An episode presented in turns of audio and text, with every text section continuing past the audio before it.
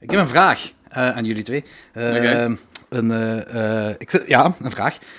Een vraag. Eh, een vraag. Eh, Ja, een taxidermievraag. Want, eh, maar het is zo een beetje een gewetenskeuze, gewetensding. Ik ben toch nu zo bezig met schedels, hè? Ja. Zit- Gaat het over vegetarisch en... Nee, nee, nee, Eh, nee, nee, nee, nee, nee, nee, nee. Waar, waar dat je doet, geen baby's doden. Nee, nee, ben ik niet van plan. Nee, ben ik niet van plan. Nee, maar ik ben nu bezig met zo schedels te kuisen en te witten en zo. Eh allee, ik ben met ene bezig. En eh, ik heb zo wat info gehad op het internet, waaronder door eh, Rob, Rob Kronenborgs. eh, Ah ja. Want hij doet dat ook. Hij, hij gaat een beetje meer hardcore dan mij, want hij doet dat van zijn eigen huisdieren. Ah ja, oké. Dus eh, hij heeft me dat een beetje uitgelegd hoe hij dat doet. Dus hij heeft van zijn hond en van zijn katten heeft hem zo schedels. Hij, dat is echt Om een, effectief... om een of andere reden, als, eh, als je nu vertelt dat Rob dat doet, en doet dat met zijn huisdier, om een of andere reden stel ik hem voor dat hem eh, in de jungle in een boom zit met eh, futuristisch materiaal. Nee, nee, nee, nee. nee, nee. Geen, geen predator? Eh, het is geen predator, nee. Maar eh, hij, hij, ja, hij snijdt dus de koppen van zijn huisdieren eraf, als ze dood zijn. Dode En, huisdieren. Laten we daar heel duidelijk over zijn. Eh, ja, Dus maar... een eh, gewetenskwestie of dat je dat ook met leven- levende dieren mocht doen. Eh, nee, nee, nee, dat niet. Maar De gewetenskwestie is van, kijk, ik zou het dus nooit met mijn eigen huisdieren kunnen doen. Ik zou het nooit willen doen. Ik wil ook niet dat andere mensen de schedel van mijn huisdier hebben. Maar ik zou het niet erg vinden om andere mensen hun huisdieren hun schedel bij mij te hebben. Is dat hypocriet van mij? Ja, dat is hypocriet, maar dat is normaal. Iedereen is hypocriet, dus don't worry Dat is, about dat, is norma dat is normale hypocrisie. Van, eh, je wilt niet dat mensen dat met uw dier doen, waar je van hebt gehouden, maar je kunt het perfect doe- doen met dieren waarvan je nooit hebt gehouden. Je hebt er ook oké. geen band mee of zo. Dat is, hy- dat is hypocrisie, maar dat is, dat is normale hypocrisie. Dat is dagelijks hypocrisie. Oké, kijk goed. Dus, beste luisteraars, als jullie dode huisdieren hebben... Je mocht Geef ze aan Jordi, voilà. Je, je mocht ze gerust in mijn brievenbus dumpen. Geen Stuur. probleem. Doe dat alsjeblieft niet. Eerst op drie weken, eerst op drie weken laten rotten en ehm, pulver, verpulveren en dan zo eh, in die brievenbus douwen. Ja, allemaal goed. Zolang dat het niet te weten komt, is dat goed. Als je op de post heen gesmeerd staat, zal het wel weten komen. Hé, die belastingsbrief ruikt raar. Oké, Bo, heb je, heb je al je bloemenkrans op je hoofd en zit je paddelthee te drinken? Sowieso. Paddenthee of paddothee? Paddelthee. Ja, paddelthee. Ja, misschien ook paddelthee, is ook drugs. Goed, dan kunnen we beginnen.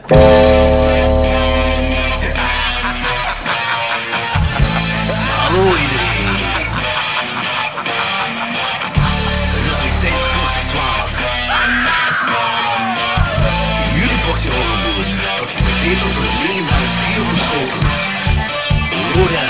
Lorenz, Wat? Ik kan me zelfs niet een beetje herinneren. Danny Ja, fuck die, fuck die mensen. en Jordi. Haha, yes! Bier drinken. Woo!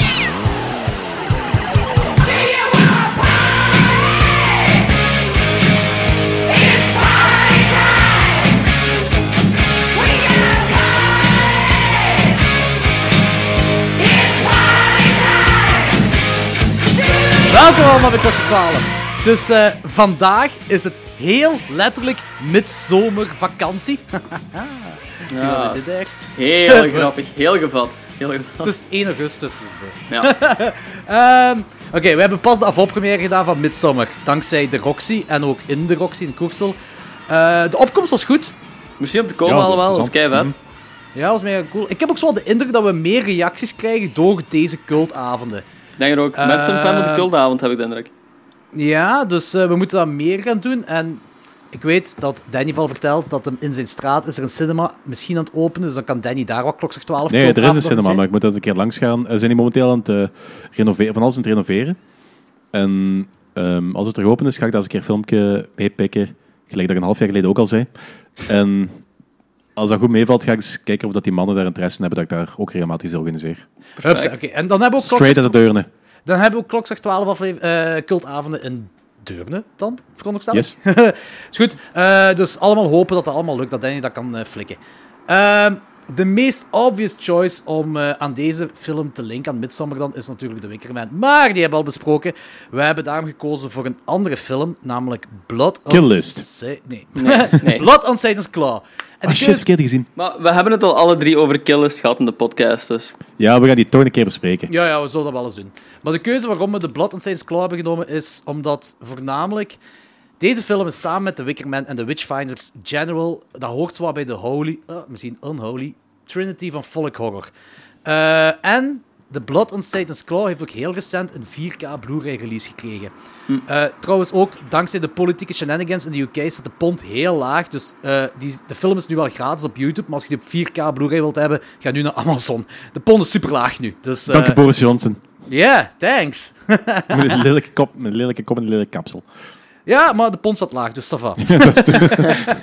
Fuck, fuck the UK zo. Eh, en, en ook een derde ding, Nicholas Winding Refn, die staat, eh, ja, hij gaat effectief eh, de Witchfinders General remake, allee, hij gaat dat produ- Yes. de remake produceren. Dus als die binnenkort uitkomt, kunnen we dan ook, ik weet niet, eh, de originele met, met de remake vergelijken. Whatever. In ieder geval, dat hebben we op een vrij korte tijd de hele Unholy Trinity van Volk Horror gedaan. Wat is heel Alright. cool is. En ook, heel toevallig, deze week is blijkbaar ook Volk Horror We- Horror Week.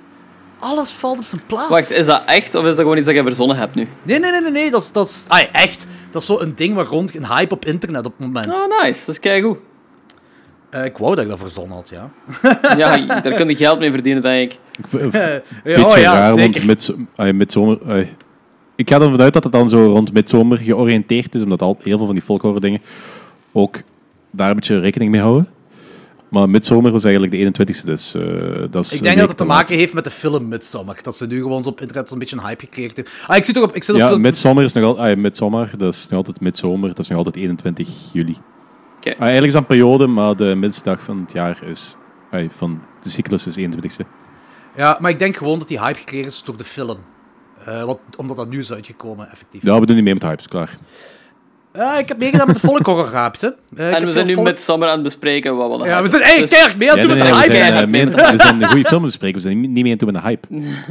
Ah, we doen mee met de hype, we zijn Danny. met de We zijn mee aan doen met de hype. Leg het er wanneer. We gaan zo keihard gewoon vijf maanden wachten om midzomer te bespreken. Ja. Gewoon om niet mee te moeten doen. Tot het met winter is. Om niet relevant te zijn. Zes maanden. Daar streven naar. Op 1 januari gaan we dat doen. Nee, 21 december met, met winter. Zwat, dat is allemaal voor straks. Straks is Blood and Saints Claw Midsommar. Eerst hebben we nog... Eerst gaan we naar Lovecraft, want het is tijd voor... Ding, ding, ding, ding, ding! De kaakslag.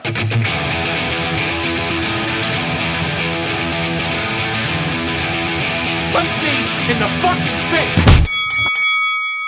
Ik, Ja. ik vraag me af hoe crappy dat jullie die vinden. Ehm, ik vond hem echt... Wacht, ja, wacht. Eerst, eerst, eerst de film kadreren. Eerst de film kadreren. Ja. Eh, ook eerst... Dat vind, ik, dat vind ik eigenlijk het coolste aan de film. Eh, basically, Danny heeft de punker uitgehangen, want hij heeft zich niet aan de kaakslagregels ge- gehouden. Hij heeft een film gekozen dat niet op Rotten Tomatoes staat. Eh, maar de IMDb-score is zo laag, dat moest hem op Rotten Tomatoes staan. Dat het zou heel raar zijn, moest hem echt geslaagd zijn op Rotten Echt Tomatoes. uit ik Zonderlijk snap niet laag. waarom dat die niet op Rotten Tomatoes staat. Dat is raar, hè? Dat volgens mij is dat gewoon... Een, een Oblivion is, want dat, dat is een film die perfect... Ik, ja, nee, nee, ik snap Nee, het ik, ik snap ook niet. Ik, ik volg je erin, ik snap dat helemaal niet.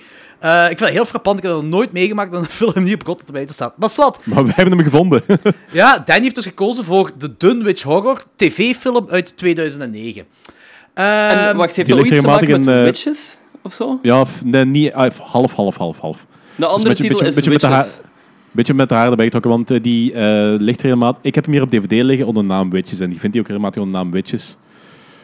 Op Rommelmarkt en zo ziet hij hem af en toe wel eens liggen. Ja, ah, oké. is dus maar, een, ja, eh, de film, dat is dus een tv-film uit 2009. En Jeffrey Combs sci-fi tv-film zelfs. als Very, very sci-fi tv-film. Ja, oké. Danny, hoeveel, hoeveel sterren geef je die film? Oh, ehm, niet belachelijk veel, maar ik denk toch, dat- toch dat ik hem drie geef. Want die is Ja. eh, correct genoeg aan een Lovecraft-verhaal om toch plezant te zijn. Maar het is echt wel heel erg eh, sci-fi, dat, dat besef ik ook. Ja, Logisch oké, is echt aan het lachen op de achtergrond. Logisch, vertel maar, wat vond je van de film? Ja, ik, ik vond de film echt heel slecht. en, eh, ik had wel zoiets gedacht van dat Danny wel er een voorliefde voor ging hebben, omdat het gewoon een Lovecraft-verhaal was. En ik herkende er dat, ook is, wel dat, is, dat is zoveel... gelijk Stephen King, zelfs de Ja, crap ik tuurlijk. meestal goed. En ik herkende er ook zo wel veel Lovecraft-dingen in. Ik heb vanaf het moment één ook zo Tentacle Monster, obviously. Zo de felle kleuren. Ehm, Combs. Jeffrey Coombs, wat ook gewoon de Lovecraft is. Hè. Ehm, maar die, dat is echt een zware tv-film ook. En dat zijn de meest cheesy sci-fi special effects dat ik in lange tijd heb gezien, denk ik. Ehm, You're welcome. holy shit. Ja, wacht. Wacht, ik heb een paar dingen genoteerd. Want dat is wel de film. dat Hij heeft echt notas gemaakt. Echt Dat, notas dat doe ik zelden. Dat doe ik zelden. Ja. Maar Want deze ik was, film dient er wel voor. ik was in het begin ook zo heel veel verward dat je zo'n eh, ehm, zo tekst over het scherm kreeg dat zei van 10 years later en dan zijn zo die kinderen 40 en dat wordt pas zo 20 minuten later uitgelegd waarom dat die kinderen 40 zijn, wat ik ook heel bizar vond. Ehm, na 10 Ja, minuten wordt een het boek wordt, voorgesteld. dat, een boek wordt dat beter uitgelegd. Ja, dat, dat verwacht ik wel. Na de eerste drie, vier minuten of zoiets zit je zo'n exorcism. En de main character heeft uit het niks ineens dat hij bliksem uit zijn handen kan schieten. Wat absurd was. Echt. Dat sloeg nergens op ook gewoon. Want dat is een hele gewone mens. Voor de rest heeft niemand daar zo special powers. Behalve dat is- dat- die kerel. Dat, maar dat is Die, eh, eh, de origin story van een X-Men. Ja. Ik kreeg een heel fel gevoel alsof het zo'n eh, een D-script was. Ah, een D-X-Files aflevering of zo. Maar hij heeft het wel speciale krachten, want dat is eh, een eh, eh, evil wizard en zo. Hè. Ah, dat was een evil. Maar dat dat had ik niet door. echt, ja, ik had dat ook niet door. ze. Ja, net is. Ah, en een ander ding wat ik echt een heel bizarre keuze vond, was dat, dat die film zo constant glitchte.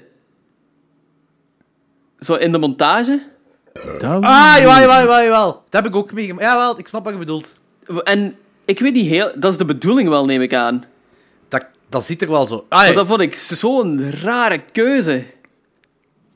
Danny, Eh. is dat ook zo? Je hebt, je hebt de DVD-versie. Ja, maar ik heb, hem- ik heb hem lang niet meer gezien, dus eh, dat weet ik niet echt meer precies. Dat gewoon van die glitch-effecten daar zo de hele tijd in gemonteerd waren. En in het begin is dat niet. En na een kwartier of twintig minuten of zoiets introduceren ze dat.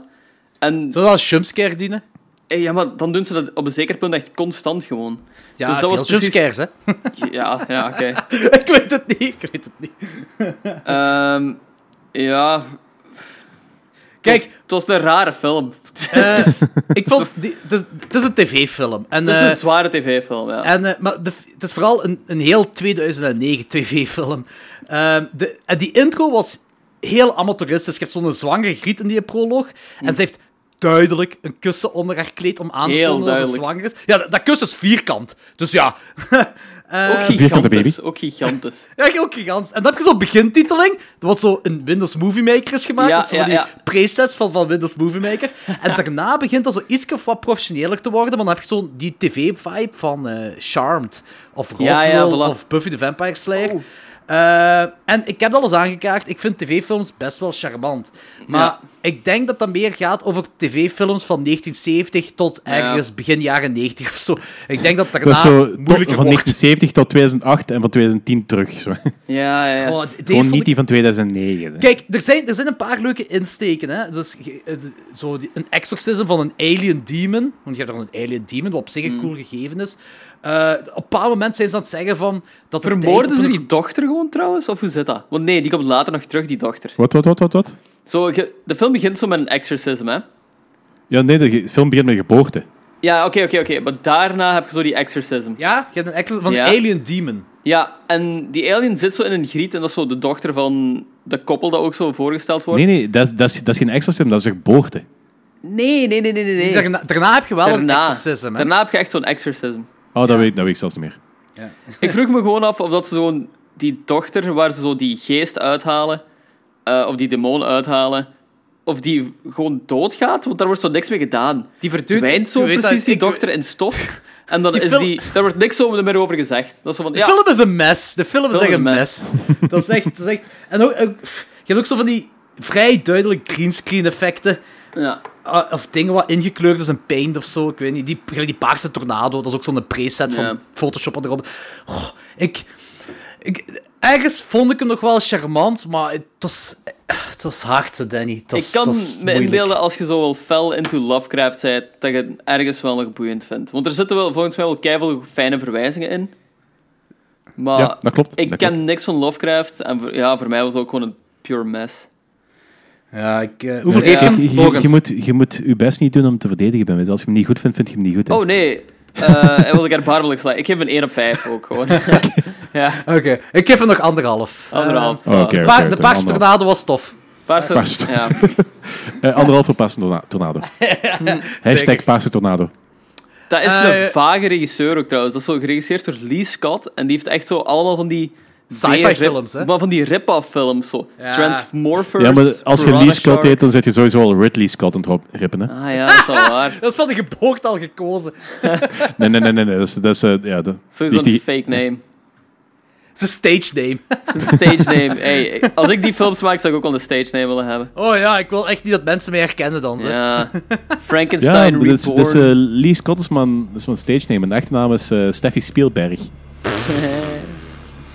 Goed, kom. Wat gaat uw film zijn, Logans? Eh, dat laat ik u straks weten. Oké, goed. Dan, Goed eh, voorbereid. eh, dan gaan we over naar het trekhaak.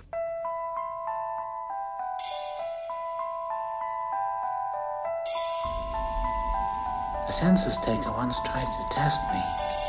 I ate his liver with some fava beans and a nice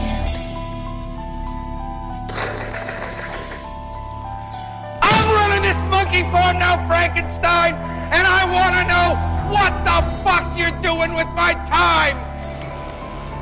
Your suffering will be legendary, even in hell.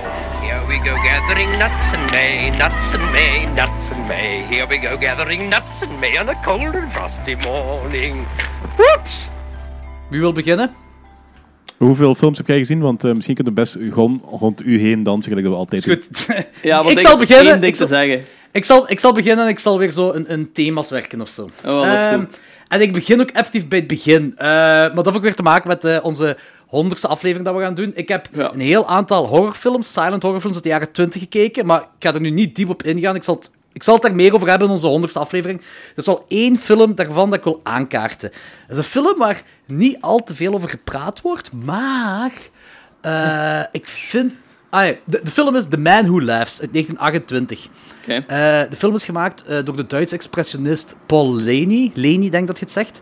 Het gaat over uh, Gwynplaine, eh heet het hoofdpersonage. Hij heeft een permanente lach op zijn gezicht en dat is Ah, uitgesneden door zijn vader, de koning. Wow, dat ziet er kei akelig uit. Ja. Is dat Conrad Veet? Of? Eh, Ja, ja. Ah, ja, Conrad, dat bedoel- Conrad ja, ja, ja. Veet as Gwynplaine of zoiets. ja, ja, dat is, dat is acteur, de acteur, ja. Wow, dat ziet er echt creepy as fuck uit. Ehm, hij wordt geadopteerd door zo'n reizende circusartiest, zo'n showman, zo, was zo in de, wat moet je zeggen, laat 1800 zo gekend, dat wel van die reizende circusartiesten. Die freakshows. ja. Ja, zoiets, ja. En hij wordt vrij, vrij populair. Eh, en als zijn vader, de koning, sterft, gaat de jester van de koning gaat wraak nemen op hem. Zwat, het is een silent film. Eh, ze hebben wel, het coole is, ze hebben wel omgevingsgeluiden gebruikt en zo... ehm, als je zo eh, volk, publiek hebt, zo van die eh crowd dingen, zo, dan heb je effectief zo het geluid ervan wat ze erop hebben geplakt. Wat in Silent Era niet echt... Ah, dat werd niet vaak gedaan. Ehm, en met momenten laten personages ook iets roepen. Maar hetgeen wat ik mega zot vind aan die film, is dat deze film basically een bron van popculture is. Er komen zoveel herkenbare dingen in voor. Je hebt daar een dude wat super hard op Doc Brown lijkt van Back to the Future. En het logo van de Flux Capacitor. Ah, nice. Wauw. Ja, eh, er zijn ook zo dingen wat je terug kunt vinden uit eh, Raiders of the Lost Ark. En de hoofdinspiratie van de look van de Joker van Batman is gebaseerd op dit. ja, dat zie ik er Dat wel kan in. ik wel voorstellen, ja. Die ziet er echt uh, zot akelig uit. Zeker voor Eén 1928 foto, te wat zijn. echt, één foto waar ik dat heel vaak heb gezien, die, eh, wat die zo lacht en zo stiekem naar links, eh, zo heel subtiel naar links beneden kijkt, maar met zijn ogen toch naar boven. Als je zo gaat kijken, dat bij afbeeldingen vindt, hij- vindt hij die wel. Ja, ik, ik weet Dat wat je bedoelt, ja. Dat, is een, dat is een heel bekende. Dat, dat lijkt ook zo heel hard op Paul Whitehouse van eh The Fast Show. Ah, oké, dat kan. Maar dat is wel, dat is effectief bekend. Die, eh degene die dat getekend, ik weet niet meer wat die namen zijn die de Joker hebben getekend toen in de tijd, die hebben dat effectief ook gezegd van, dit is effectief de, de inspiratie geweest voor de Joker, voor de look van de Joker. Hè? Niet het, Ja. niet het eh, personage, niet zijn persoonlijkheid. Nee, nee, inderdaad. maar als je dan die film kijkt, er zijn zoveel dingen. Er waren nog andere films. Ik zeg, hey, maar dat ken ik en dat ken ik en dat. Ik ben er vrij zeker van dat de grote regisseurs van nu of van 20, 30 jaar geleden, gelijk een Scorsese, een Spielberg, een Zemeckis, dat die, die zijn geïnspireerd op een of andere manier door deze film. Vond ik heel zot. Om zo Ik vind- deels- Ik kende hem niet, maar ik ken de poster wel. En, maar dat is misschien omdat mij dat gewoon heel veel doet denken aan de Joker. Maar dat beeld van die kerel vind ik echt absurd akelig. En ik ben... Maar ook, jij bent ook, ja, je bent een grafisch designer. Je bent ook met, met eh, posters en zo bezig. Dus jij komt er ook waarschijnlijk meer mee in contact dan anders. Niet? Maybe. Eh, Ook- maar ook- ik ken gewoon dat beeld. Ja. Ja, dat kan wel. Maar ook hetgeen wat ik cool vind, is dat die make-up effecten voor eh, die lach te maken, voor die kerel dan, dat is gemaakt door de legendarische Jack Pierce, dat eh, ook het monster van Frankenstein gecreëerd heeft en de Wolfman. Yes. Dus eigenlijk Jack Pierce, want dat is een naam die niet echt veel voorkomt. Ah, de, de naam zelfs hoort je niet vaak waaien. Maar die kerel is legendarischer dan... Hij heeft de look van de Joker dan eigenlijk gecreëerd. In, in a way. Eh, de- Frankenstein, het monster van Frankenstein, de Wolfman. En, En, alle afgeleiden daarvan. ja, en, en, en hij was de make-up artiest van Bela Lugosi's, ah, Bela Lugosi's Dracula. Nu, ik weet niet of hij effectief dat gecreëerd heeft, want Bela Lugosi heeft 98 keer Dracula gespeeld, vooraleer hem dat in de film heeft gespeeld, op toneelstukken. Dus ik weet niet of hij dat gecreëerd heeft, maar zwart, hij heeft er wel iets mee te maken. Die dude, Jack Pierce, dat is... Ja... Dat is een van de beginners van, van de make-up effect, make effect kerels die... Ja, waarvan eigenlijk die toch wel meer, moet ik het zeggen zo, meer in de picture mag komen. Ja, agreed.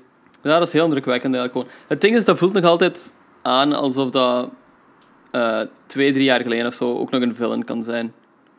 Dat voelt zo niet cheesy Snap aan. ik, ja. Dat voelt oprecht ook gewoon akelig aan hoe dat die eruit ziet. Ja, het, gaat ook over een mond dat eruit gesneden is. Hè. Ah, ja, ja. In zijn gezicht, ah, dat is in zijn gezicht gesneden. Dus dat is ook iets... Film 1928, dat is ook wel een zot ding. Maar ja, Zwat, eh, de volgende. Yes. Eh, ik heb een paar filmpjes eh, bijgehaald die ik eh, al heel tijd wil zien. En de eerste van is Pet Cemetery. De remake? De remake. ah, Ah! ja. Oké, vertel. En ik vond het eigenlijk... Ik ben eigenlijk zonder die film ingegaan... Ik ben, ik ben die film eigenlijk ingegaan zonder verwachting, omdat ik er heel, redelijk wat shit over had gehoord. Ja. Maar ik vind dat niet terecht eigenlijk. Dus ik vond dat een coole film en een coole sfeer en zo. Het is dus ge- geen wereldwonder of zo. Ah, Het is niet de film der filmen of eh, de Stephen King revival die we eigenlijk al... Of de Stephen King film die de echte fan eigenlijk had verdiend. Maar Hmm. ik vond het Nee, echt een film. ja, ik vond het een, plezante film, een coole film. Ik, ja, ik weet niet of je onze aflevering hebt geluisterd toen je er niet bij was, maar wij zijn eigenlijk op... ex- Ah, en ik zijn op exact dezelfde eh, lijn als u. ja Mhm. we snappen echt niet waarom dat die zoveel gehaat werd. Iedereen is Maar zo dat is- te- ja. tegen Daar dat komen, dadelijk, daar komen dadelijk bij nog een film die ik heb gezien uit. Oké, oké. Maar, maar Pet Cemetery wordt ook vooral door Amerikanen gehaald, die remake. En die, Ja, die- inderdaad. En, en dat, die doen zo alsof de originele, of de eerste film, zal ik maar zeggen, de Holy Grail is of zo. Dat is ook wel weet heel je, goed. weet, je wat, Sanne. misschien- weet je wat misschien ook eh, fuck Amerikanen? Oké, dan gaan we over naar de volgende film van eh, Daddy, dat hij ook eh, raar vindt dat gehaat is.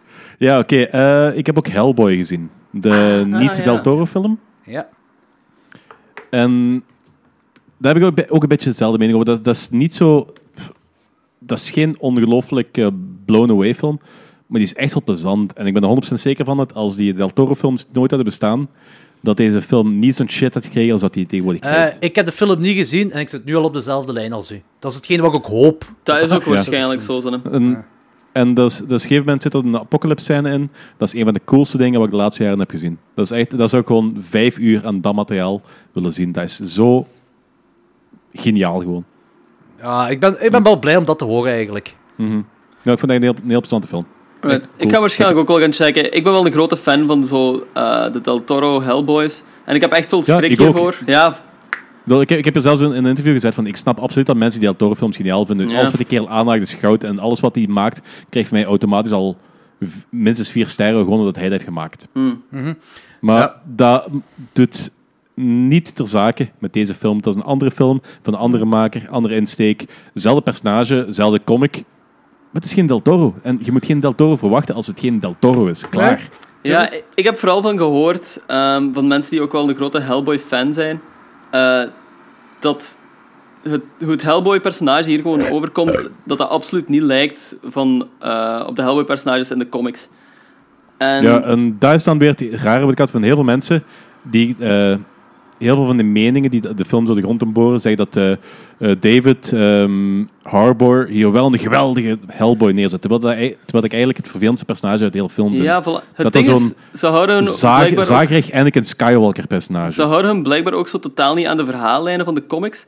En wat mijn vraag dan is, is van... Waarom maak je dan een Hellboy-film? Dit voelt aan alsof dit gewoon een script was. Een random script. Waar ze achteraf zo Hellboy hebben opgeplakt. Maar, maar Ja, maakt Kijk, dat moet eigenlijk... van mij, dat moet voor mij niet ook per se. Ik bedoel, eh, als je filmscript, als je een comics wilt volgen, maak dan een serie. Want dan heb je plaats genoeg om de comics te volgen. Daar ga ik mee film, dan moet De film moet Als- op zich staan. De film moet zich zijn. Als je een heel universum hebt, gelijk Marvel, kun je wel zo een grote mate verhaallijnen volgen. Maar als je één film hebt, niet zeker zijn dat er nog een tweede komt, moet je geen verhaallijn beginnen die je toch nooit hebt Ja, dat is waar. De film moet inderdaad wel op zijn eigen staan, maar het is ook absurd om gewoon een film te schrijven en dan Hellboy erop te plakken, want dat voelt aan Ja, als maar een dat is het niet, want er, er, wordt- genoeg, er, wordt genoeg, er worden genoeg referenties naar het Hellboy-universum en naar alle dingen die in Hellboy comics voorkomen. En dat bureau en eh, hoe het Hellboy in de wereld voorkomt. Daar zitten zelfs scènes in die... Dat moet ik wel zeggen, eh, dat is een flashback in naar eh, dat Hellboy op aarde komt. En dat hebben ze... Ofwel heeft Del Toro heel goed eh, de comics eh, overgenomen, en zij nu ook. Ofwel hebben ze daar nou wel een ode aan Del Toro gemaakt. Oké. Eén van een van de twee. We- Weet je wat dat ook is? Hè? Dat- soms kan dat ook gewoon een wat-als zijn van, kijk, je hebt het personage Hellboy, wat als dat en dat en dat. Er komt nu een Joker-film aan en de regisseur die heeft al gezegd van, Ja, ja. eh, dit heeft het ziet er ook niks heel anders uit. met de comics te maken. Dit is gewoon wat ik wil maken van, een joke, van, de, van het personage de Joker.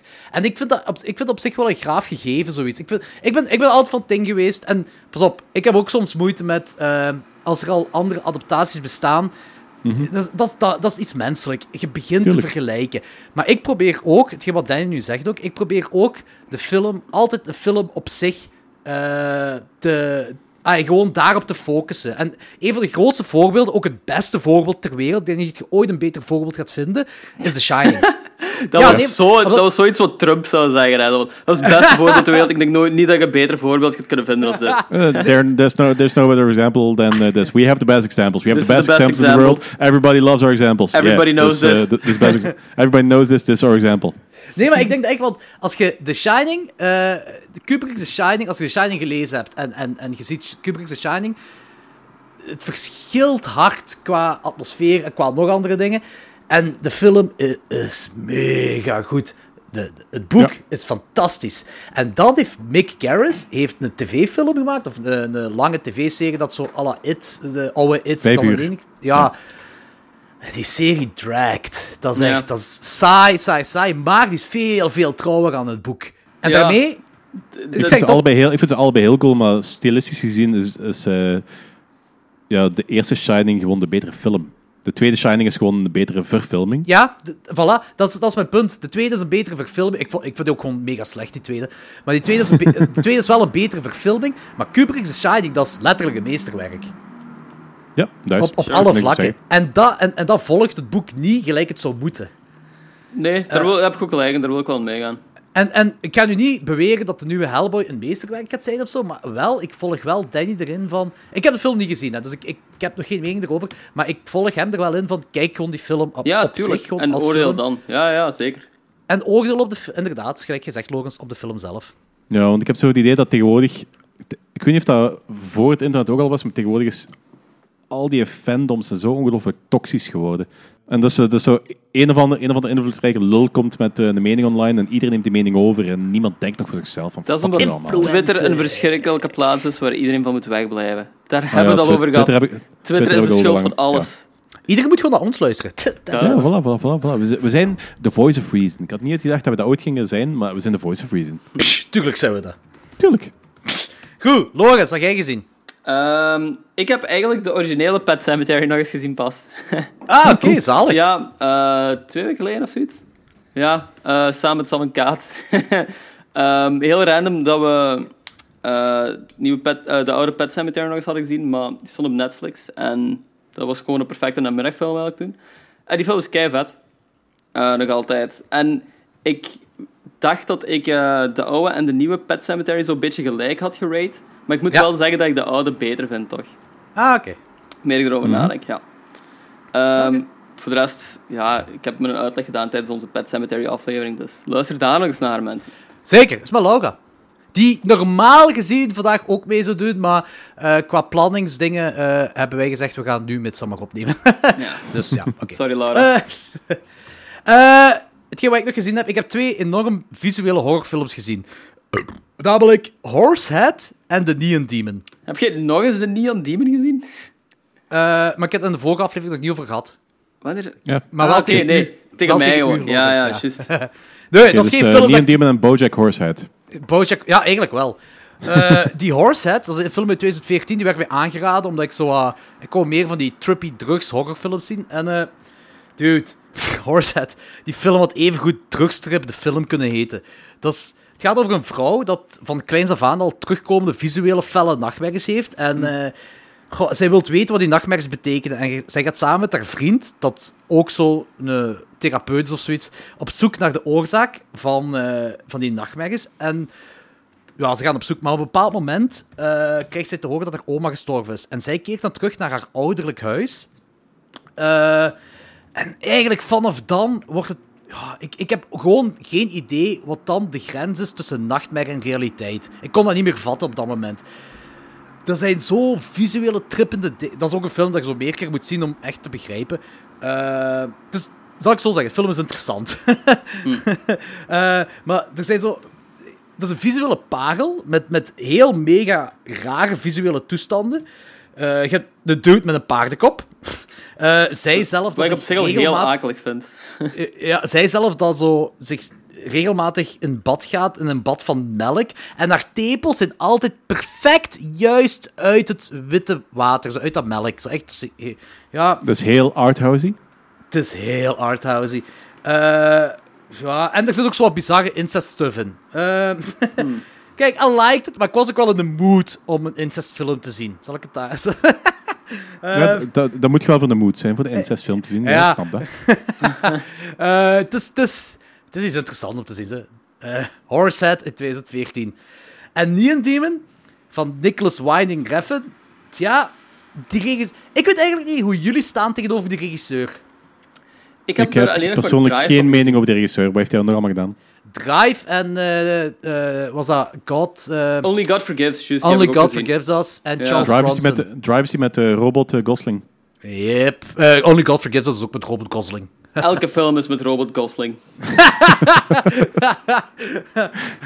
maar ik ben wel een Ryan Gosling fan, daar niks van. Maar die kerel Ja, ik onderacteert vind, gewoon vind, dat, elke ik vind rol. het wel plezant, maar dat is zo... eh, Fok had onlangs wel heel... Fokken en Alex hadden onlangs wel heel goed punten. Ze zeiden van, dat die kerel eigenlijk gewoon een robot is en dat hij eigenlijk alleen een Blade Runner perfect gecast Ja, maar dat is. is, dat is Harrison Ford gewoon wat hij doet. Hè. Alles onderacteren. En gewoon cool zijn. En, well, he looks amazing, guys. Kijk, Drive, Drive vond ik fantastisch. Only God Forgives van kak. Ik heb exact hetzelfde. Ik Neon heb ze Demon allebei niet gezien. Ik heb alleen niet een Demon gezien. Drive vond ik heel graaf eigenlijk. Ehm, Only God Forgives, ja. Ik vond de setting heel boeiend. Eh, en het idee vond ik ook wel graaf. Maar dat is de doodzaaie film. Daar gebeurt niks in. En Kijk, het- ik heb meer nodig dan gewoon visuele shit. En ja, dat zat er niet in. ja, dat gaat niet in Demon niks voor u zijn. Eh, ik Neon heb wel dingen gehoord van Neon Demon dat dat wel tegen het einde aan echt heel absurd wordt. Dus ik ben er wel benieuwd ook- daarnaar. Maar Only Drive, God Forgives... Drive vond ik wel heel goed. Dus. Only God Forgives is op het einde ook wel vrij eh, absurd. Maar zwart, eh Ja, true. Neon Demon gaat over een model dat naar LA gaat en die wil daar een zij wil daar een carrière opbouwen. Ehm, zij valt dan... eh, ja, andere modellen worden jaloers op haar, omdat ze een heel... Ja, zij is mega mooi en ze heeft een soort van jeugdigheid waar de andere modellen, wat de andere modellen niet hebben.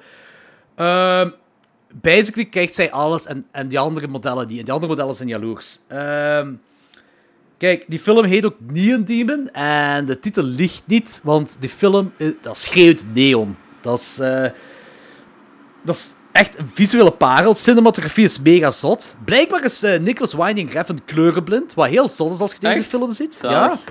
Ja. Eh, maar de film god, is... die kerel is zoveel te arthouse. hè. Die, fil die film Dat is gelijk zo dat dinges doof was. En die eh, componist, dat is de naam. dat Ik zeg. Beethoven. Beethoven, dat was hem. En, ja, ja. Kijk, die film is heel traag. Hè. Ik heb het toen ook tegen u gezegd, hè, eh Logans, want jij, Logans vindt Blade Runner niet goed. Dus daarom... Blade Runner, jij hebt gezegd, Blade Runner is een visuele parel, maar ik vind die heel saai. Exactly. En eh, bij Neon Demon mogen eh, de visualiteit omhoog halen en de, de saaiheid of de traagheid naar beneden. Ah, Dat is echt, die wordt gewoon... Hoe mooier dat de film is, hoe saaier dat de film is bij. Neon Demon. Die, eh, die, die is heel, heel traag. Heel traag. Eh, maar... ik weet niet... Ik, ik vind die heel gaaf. Ik vind, er zit heel veel symboliek in. Daar kun je echt essays over schrijven. Superveel symboliek zit erin. Maar het is geen film dat ik... eh, Aanraad aan iedereen. Nee, dat is geen film dat ik jaarlijks kan zien. Ah, oké. ja. Om, omdat hem echt, je moet het er echt aanzetten. En blijkbaar heeft Nicholas Winding Refn nu een serie uitgebracht. Ik weet dat eh, uw ex-buurman, Danny, is daar fan van. eh, eh, Dennis van Esser. Ja. Ehm, hij- de serie heet, nu moet ik even kijken. ehm, ah, Too Old to Die Young. Dat is een serie van 13 afleveringen dat op Amazon is. Eh, en blijkbaar, dat zijn 13 afleveringen van 1 uur. Dus in totaal 13 uur. In die 13 uur gebeurt, nou het schijnt, ik heb de serie niet gezien, maar het schijnt gebeurt in die 13 uur evenveel gelijk in één film van 90 minuten Ja, dat als die film door Nicholas Winding Refn geregisseerd zou zijn. Dus, eh, wow, dat is echt... eh, Holy shit. ja, inderdaad. en blijkbaar heeft Amazon die serie ook ja, gecanceld, gewoon van hun kanaal gegooid. Eh, omdat Het ze is daar heel bold om zo'n trage serie Too Old to Die Young te noemen. ook al. Eh, Hmm. maar Ja, tegen dat die film gedaan is, zei je te oud om jong te sterven. Tegen de serie gedaan, zei je te oud om jong te sterven. Ja.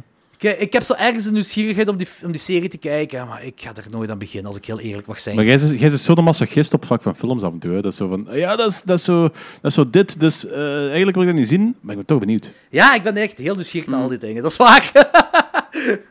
Eh, ik pijnig mijn eigen graag. Maar wat? Danny, wat heb jij nog gezien? Oh, ik heb de ongelofelijke parel die The Haunting of Sharon Tate eh, heeft gezien. Ah, yes. Oh, Mark, ja, je hebt op die cultavond heb je... eh, vertel, vertel. Dat is toch met Hilary Duff? Hoe kan dat ehm, slecht Ik, zijn? ik, ik, ga- wat lief? Dat is toch met Hilary Duff die Sharon Tate speelt? Hoe kan dat slecht zijn? Ehm, Oké, ik zal even vertellen. Eh, fuck spoilers, ik ga er gewoon doorheen gaan. Ja. Eh, mensen, die, mensen die film nog willen zien, doe dat niet. Eh dat gaat dus over de, over de mensenmurders. Eh, zeker zo het, het deel van eh, de Tate-murders. Ehm en 1050 Willow Drive, daar, bla bla bla. En dat begint eigenlijk zo'n vrij paranormal activity sfeertje met Sh- ehm, Hillary Tate Duff. eh, Sharon die zo al wat visioenen heeft en zo'n hele slechte vibe over dat er iets gaat gebeuren. Dat is zo drie dagen op voorhand en ze krijgt zo nachtmerries en hier en daar en blablabla. Er gaat iets gebeuren, het is zo slecht en waar is mijn Roman? En dan komt zo drama in de huis. Van, dat, is, zo- dat is zo puur fictief. Dat is zo ruzies die waarschijnlijk nooit plaatsgevonden hebben. Zo spanning die er nooit geweest is, hebben ze daar zelf bedacht. En daar begint het mij al te storen. Visueel is dat, is dat een mooie film. Ah, Ze echt? hebben de jaren, ze hebben de jaren, uit de jaren 60, 70, uit de jaren 60 bij de jaren 70 hebben ze mooi wel een beeld gebracht. Ah, Krijgt ook erbarmelijke reviews, precies. Ja, terecht. En dan ehm, is de nacht voor de moorden. En dan vinden de moorden plaats. En dan blijkt het allemaal een droom te zijn. Oeh. Dan wordt ze s'mor- s'mor- wordt ze 's morgens wakker, krijsend en blauw. Er gaat iets gebeuren en eh, we moeten hier weg. En ze blijven. Dat slaat dan nergens op. En uiteindelijk eh, heb je dan de nacht dat alles gebeurt. En eh, het stoort me al dat er zo een personage is weggeschreven en vervangen is door een... of dat zo twee personages eigenlijk zo'n één personage is geworden. Dat is al kut. Zo ongelooflijk veel personages... Zoveel mensen waren er niet tijdens die nacht. Ik bedoel, ze hadden echt wel een extra acteur kunnen inhuren daarvoor. Dat is wel vervelend als je die vrijheid dan neemt met ehm, gewoon iets wat letterlijk gebeurd is. Ja, ik dan, weet het. de laatste nacht. Gebeuren niet de moorden die ze in de vorige nacht in haar dromen heeft gezien, maar is het redeeming verhaal van hoe dat zij de moordenaars uiteindelijk toch dood krijgen. Wauw, dat slaat nergens op zelfs. Dat slaat inderdaad nergens op. En dan op een gegeven moment, als ze dan... eh, is het, is het, 's morgens- het wordt dan heel snel donker en toch, eh, licht, donker en toch licht. Op kwestie, kwestie een paar minuten zo eh, de nacht gedaan. Ja, je moet die films op een eigen kijken. Hè. Je kunt er Ja, niet zo linken. Ja, oké, maar... ehm, Goed punt wel, maar ik, ik vind het ook ik, wel een vreemde keuze. dadelijk aan. Ja, ja, ja. Ik, En Dat wil niet dan zeggen dat het plots goed is. kom- Ja. Dan plots wandelen ze naar buiten en er komt, komt de politie daar aan en eh, wordt zo'n beetje een slow motion rond die scène gedraaid. En ziet hij daar zo eh, eh, vier bodybags liggen. Wat niet klopt, want er waren maar drie moordenaars en blijkt dat ze daar toch dood zijn, of toch niet. En er is ergens afgesplitst in een alternatief universum en weet wat allemaal. En ze wandelen allemaal gelukkig weg en blablabla, terwijl die lijken daar allemaal liggen. En fuck deze film, joh. Maar het, het, hetgeen ook wat, wat Lorenz zegt, je moet de film op zich zien. Het schijnt dus de film op zich ook gewoon Ja, crap. erbarmelijk slecht. Maar dat is Ja. van de schrijver van... ehm, wacht, hè. The Curse of Michael Myers. Ik zeg het maar. En voor de rest oh, oh, oh, klassieker! klassieker. Ja. En The Haunting of Connecticut. Ah nee, dat is hem geproduced. Ja. Oh, Mike, The Hunting of Connecticut is... ah. ja. Ja, kijk, ik, ik, heb ook, ik heb een review geschreven op Letterboxd, zei er ook in van, kijk, eh, ik heb heel graag dat van die films die op ware de- feiten gebaseerd zijn, ook zo accuraat mogelijk is. Maar ik kan af en toe wel zo van afwijken. Gelijk de, eh, Tarantino heeft met zijn eh, Glorious, Glorious Bastards Bastards. ook een heel leuk alternatief universum gecreëerd. Dat is, Ja, dat is gewoon klopt. plezant. Dat kun, kunt je heel Maar dat is ook gewoon omdat het een goede film is op zich. Ja, Ja. maar deze film was gewoon een alternatieve realiteit om zo filosofisch te doen. Want het begint al met, met, een, met een quote van Poe, van Poe, wat echt geen fuck ermee te maken heeft. Er wordt constant zo ehm ge- gemijmerd over.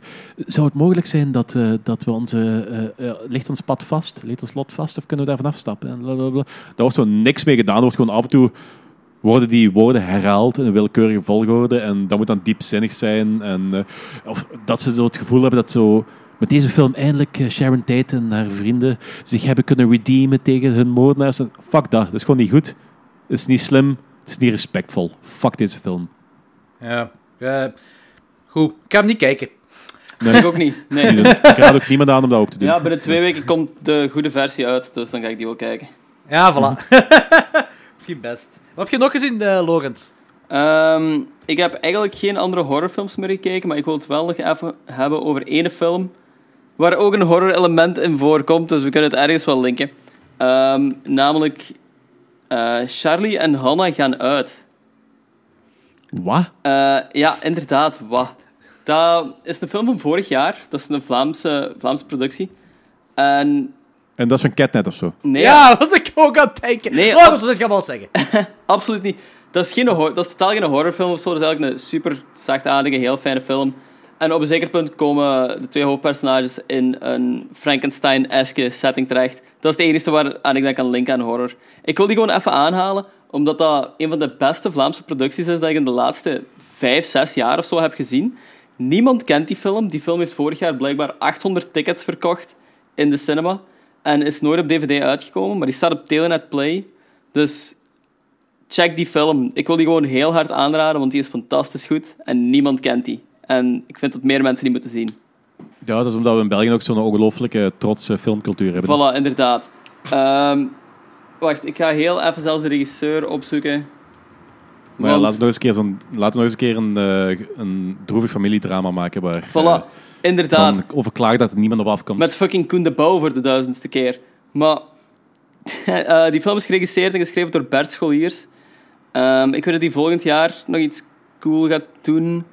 Ehm, check die film gewoon. Dat is alles wat ik kan zeggen. Als je niet weet wat kijken, kijk Charlie en Hannah gaan uit. Ook ik weet altijd wat ik ga kijken, maar dus ik zal erover nadenken. Voilà. Eh, hetgeen wat ik nog gezien heb is Humanoid from the Deep. Eh, de naam. creature feature uit 1980. En dat gaat over een bende Creature from the Black Lagoon-achtige wezens dat een dorp, een dorp terroriseren. Vrouwen worden verkracht, honden worden vermoord. eh, en de film is geregisseerd door een vrouw. maar Roger Corman eh, wou meer seks. Dus eh, zijn er meer verkrachtingen en kleren dat van vrouwen hun lichamen gescheurd worden. Ah, very exploitationish. Jezus Christus, man. Ja, maar het is wel plezant. Hè. Ziet er heel schraal uit wel, ja. Heel plezante film wel. Zo. Alright. Eh, ja, dus het is, het is eh, een creature feature exploitation film. Ja, ja, ja. Veel ja, tijd. zo ziet het er al uit. We worden En graven het is naam Roger wel. Corman. Dus eh, Roger Corman in de jaren 80. Dus dat is wel, dat is wel, hij heeft al plezante stuff gemaakt in de jaren 80. Ja, zeker en vast. Danny. Oké, wat ik nog heb gezien. Ehm, aangezien dat vorige week Nederlands grootste held gestorven is, Rutger Hauer, en ik morgen bij eh, de Fokkas langs ga om eh, een tribute-aflevering op te nemen, ben ik deze week redelijk wat eh Rutger Hauer films aan het zien. En En een daarvan daar is... zat- Daar zat niet zo heel veel, zat niet zo heel veel horror bij. Ah, het is, ik heb twee, ehm, twee of drie films gezien die misschien hier vermeld, vermelden waard zijn. Eh, de eerste is de geniale The Hitcher. Dat is Ah, zeker ja, het vermelden waard. En dat is, dat is echt makkelijk 20 jaar geleden dat ik die nog had gezien. Ik was vergeten hoe cool dat die wel niet is. Wij hebben Dat die op dus filmschool alles- hebben wij die geanalyseerd zelfs. Dat is Echt? alles van de jaren, Ja, alles ja. van de jaren 80 Wat een grave Ah. film te analyseren. road movie, horrorfilm, wat ik gewoon wil zien. Ja, ja, dat is... Dat is, dat is die fil- Rutger Hauer draagt die film ook, hè. Ja, maar die draagt zo de meeste films, zelfs de crapfilms eh draagt die. Behalve blijkbaar Hobo with a Shotgun. Ik heb gehoord dat het een erbarmelijke film is.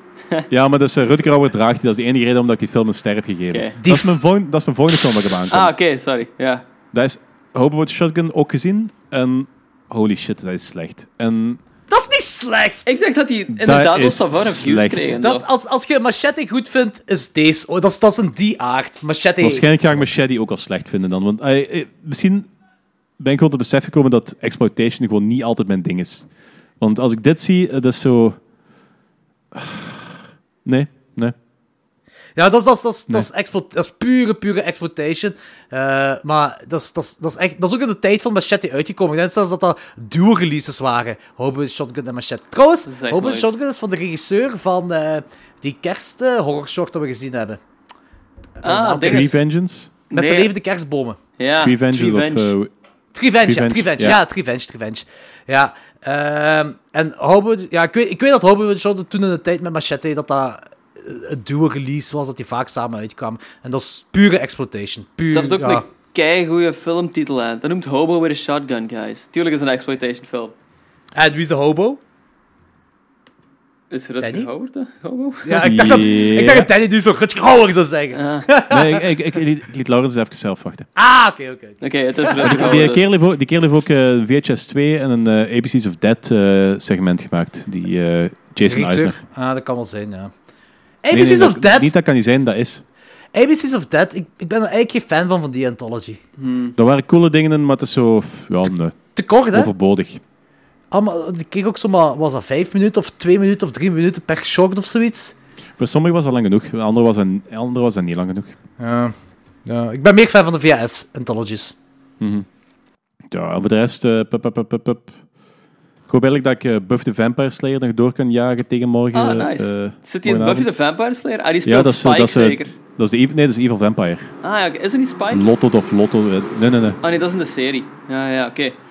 Zo. De Spike ik in de zeg serie het is ook u- veel jonger. Bone Daddy. ik heb die film gekeken voor onze 1998 show. Rutger Hauer voor moustache. Juist, juist. Rutger Hauer voor moustache. Meer zeg ik niet. Oh ja. En de film heet Bone Daddy. Allee, ja. Ja, en dan straks ook de Nighthawks erdoor gejaagd. Dat is, ik weet niet, dat is niet echt... pff, Past je niet echt, maar het is ook zo'n beetje zo die sleazy New York eh, ja. toestanden. Dus ja, misschien toch een beetje relevant. Wat vond je ervan? Vol- vol- coole film, 3,5 gegeven. Dus eh, niet wereldschokkend. Dus ik heb het idee dat veel mensen er veel, meer, veel grotere zaak van maken dan ik. Maar ja, plezant. Dat heeft te maken met dat zo de jaren 80 set, eh, ding is, denk ik. Zo'n beetje Ja, cult zo- vibe, hè? Ja, maar er zijn wel betere jaren 80 dingen, vind ik. Dus Wow. ik vind Sylvester Stallone oh, zo'n beetje een nog koud, nog warm personage hierin. Ah, Oké. Het is wel, het is wel cool dat uh, Lando Calrissian erin speelt. Ja, ja. Oké. Ja. Ik ben benieuwd wat eh, Bo en Bart vinden van, eh van Hobo with the Shotgun. Mhm, kijk eens, Ik ook. Ja. Want Fokke vindt hem al ruk. Ja, maar ja, fokken en horror. eh, die heeft de Devil- dat is de enige film dat wij ooit een nul hebben ge- gehad. In Klokslag 12 is, is House of a Thousand Corpses. Dankzij hem. dus ja. Had hij die echt een nul gegeven? Oké. Hij heeft die echt een nul gegeven, ja. Want toen zei Danny nog... eh, wij geven geen nul in Klokslag 12. Ik vind dat je morgen iets een nul moet geven, Danny. Oh ja, Hobo. Nee, nee, die krijgt, nog- die krijgt nog één ster van mij omwille van Rutger Hauer. En de soundtrack was ook vrij goed. Eh, ik heb een aantal 90s horrorfilms gezien. Alright. Ehm, Oké, stop maar al. Nee, maar eh graaf is shit wel. ze- Ah, nee, de eerste wat ik gezien heb is niet zo graaf. Eh, de eerste is, het is een Lovecraft-adaptatie wel, en die heet The Resurrected. Ja, Eh, die vind ik wel vrij cool. Ja, het is geregisseerd door een kerel wiens naam ook weer niet genoeg vermeld wordt. De naam is Dan O'Bannon. Qua naam zegt niet veel mensen dat iets, maar die dude heeft legendarische shit gemaakt. Hij heeft Maar Alien ken- geschreven, Heeft hij Alien geschreven, ja. Geschreven, Total hij heeft Recall. Total Recall geschreven en hij is regisseur, schrijver van Return of the Oh, Living shit. Dead. Ook Darkstar, niet te vergeten. Ja, Darkstar, inderdaad. Ja. Die dude, ah, die, heeft, die, die heeft grave shit gemaakt, maar die zijn naam is gewoon niet zo heel maar dat is, gewoon, dat is omdat het een schrijver is, vooral. En niemand geeft om schrijvers, precies. Ai, iedereen vergeet de schrijvers. Nou, kan misschien wel zijn. Eh de Resurrected heeft hij dan ook geregisseerd. En dat gaat over een griet. eh huurt een privédetectieve in om te zien wat er zo allemaal gebeurt in eh, de, hoe heet dat, een cabin eh, van haar man. Die griet is trouwens, eh, voor alle Friends-fans, dat is Carol, de ex-vrouw van Ross. Ah. Eh, dat is Ah, de Ah, lesbian. ja. de lesbian, inderdaad. Maar de film zelf, die duurt ook bijna twee uur. En eigenlijk alleen het laatste half uur is zo wat boeiend. Het is niet per se heel slecht, maar pff, ik buis hem toch. Het is een 2 op 5 voor mij. Bij- Het duurt bijna twee uur en er gebeurt ook bijna niks in. Alleen in het laatste half uur. Ja, maar dat is, dat is ook, dat is ook een, het ver- het verhaal is ook zo. Dat is een heel harde opbouw en een heel verhaal van die Charles Dexter Ward. En eh, zijn oom en weet ik wat allemaal. En het laatste deel van het verhaal is het coole. Ik vond, Danny, ik vond het beter dan de Dunwich Horror. ja, tuurlijk, want je hebt een 2 gegeven en geen anderhalf. Ja, voilà. Eh, en trouwens, van een heel saaie Lovecraft-adaptatie gaan we naar een briljante Lovecraft-adaptatie. Necronomicon uit 1993. Ja, die eh, anthology. Yep. Manneke, ik... Holy shit, ik snap niet waarom ik die film nog nooit gezien had. Zeker die, eh, dat met die twee flikken daar, met die eh, brain-vliegers. Ja. Eh, dat is geniaal, ja. Dat is echt dat is ook smerig ook. Is- dat, maar al die kortverhalen. Er, er zijn dus, basically heb je vier kort, allee, eigenlijk drie kortverhalen, maar uw wraparound story is ook een kort verhaal op zich. En al die kortverhalen die zijn fantastisch en smerig en vuil en heel veel rubber suits en, en practical effects en. eh, En wie speelt er ook weer in? Jeffrey Combs. Jeffrey Combs Ja. speelt Bruce Campbell dat Lovecraft speelt. dat is abnormaal. Want dat is, dat is echt... Dat, is- dat, dat leidt echt... De eerste keer toen ik die film zag, was het echt zo van... Tja, Bruce Campbell ziet er zo wat raar uit. Dat is, die, die lijkt heel hard op Bruce Campbell. Dat is echt Ja, zot. dat is echt, hè. Heb je Ja. trouwens, ehm, heb je ooit Dexter gezien? Eh, de serie, ja, de eerste twee of drie seizoenen. Ja, dat is zo dat, ehm dat eerie eh soundtrackje. Oh man, dat is echt... Dat is van... eh, Dat is, dat is als, dat is als, zo wat donker wordt en eh, meestal tegen het einde van de aflevering eh, zo het meer moody soundtrackje. Goh, ik, weet- dat is- als je, je, moet, je moet eens luisteren en dan moet je die eh, Lovecraft-dingen nog eens zien eh, Ja? van Cold Air, van die dude wat er in de kou leeft. Oh, maar ik ga die- deze film op zich helemaal nog, nog meer keer kijken, ze. Ja, oké, maar gewoon dat stukje. ehm, Wat is dat geluid? Waar, is- waar is de alarm? Eh, ja, mijn raam staat hier open, anders is het hier belachelijk warm. Dus dat is Hasselt. de ambulance die voorbij komt. In ieder geval, als je vrouw naar, dat, naar het appartement van die dude wandelt, hoort je die soundtrack. En ik heb dat opgezocht en dat is effectief van eh, Daniel Licht, de maker van de soundtrack van Dexter, maar zo tien jaar daarvoor of zo. Dus Ah, oké. voor Dexter de soundtrack gewoon, die hem al had, van vroeger gewoon gekopieerd. Holy shit, dat is echt wel zot. Want eh Necronomicon vind ik, en ik, eh, dat is misschien een bold statement, maar ik vind dat... Ik weet, Danny, voor u is dat een, een obvious film, maar ik vind dat algemeen best wel een hidden gem, Necronomicon. Ja. Ik vind die echt ik, heel ik, ga goed, niet, ik ga er niet vanuit dat dat een obvious film is. Voor mij is ai, ik weet voor mij zelf dat dat een Lovecraft film is. Dat is een van de betere dingen, omdat dat echt, die segmenten zijn echt wel vrij goed gedaan.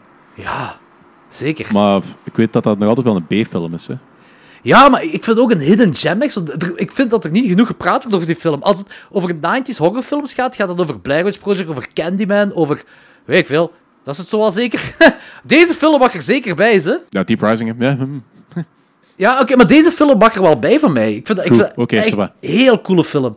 En eh, over eh ondergewaardeerde 90s horrorfilms gepraat. Ik heb een film gezien uit 1997 waar ik zelfs nog nooit van gehoord had.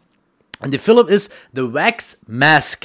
Jezus, hoe komt je allemaal aan die films? hè? Echt, joh, Ja. ik snap dat ook niet. Maar Ja, wacht, wacht. Die film, dat is basically dan een remake van House of Wax. eh, dat zich in de beginjaren 1900 afspeelt. Eh, nu, ik weet ook niet hoeveel mensen we of, ja, of veel mensen weten dat de House of Wax met Vincent Price uit de jaren 50 dat dat ook een remake is. De eerste van film de is... Paris Hilton versie? ja, andersom. Het werkt Ah. andersom. Eh, nee, nee, nee, nee. De jaren 50 film was een remake van de Paris Hilton versie. Ja, dat kan Ja. toch? Oké, Dat, is gelijk, dat is gelijk Slayer eigenlijk elke riff hebben uitgevonden, zelfs de, de riffs die voor hun zijn uitgevonden. right? Ehm, de originele film is Mystery of the Wax Museum uit 1933. Dan heb je de remake eh, uit eh, ergens in de jaren 50 met Vincent Price. En dan heb je de Paris Hilton remake, die ik trouwens niet slecht vind. de Ik vind die ook niet slecht. Ik vind die ook echt niet slecht. Ik vind die film geweldig, gewoon het feit dat er een dode Paris Hilton voorkomt. Ja, dat, is ook de tagline van de film, hè. See Paris Die. Ja. Ja? ja. Eh, maar basically bestaan er dus vier House of Wax films, inclusief deze.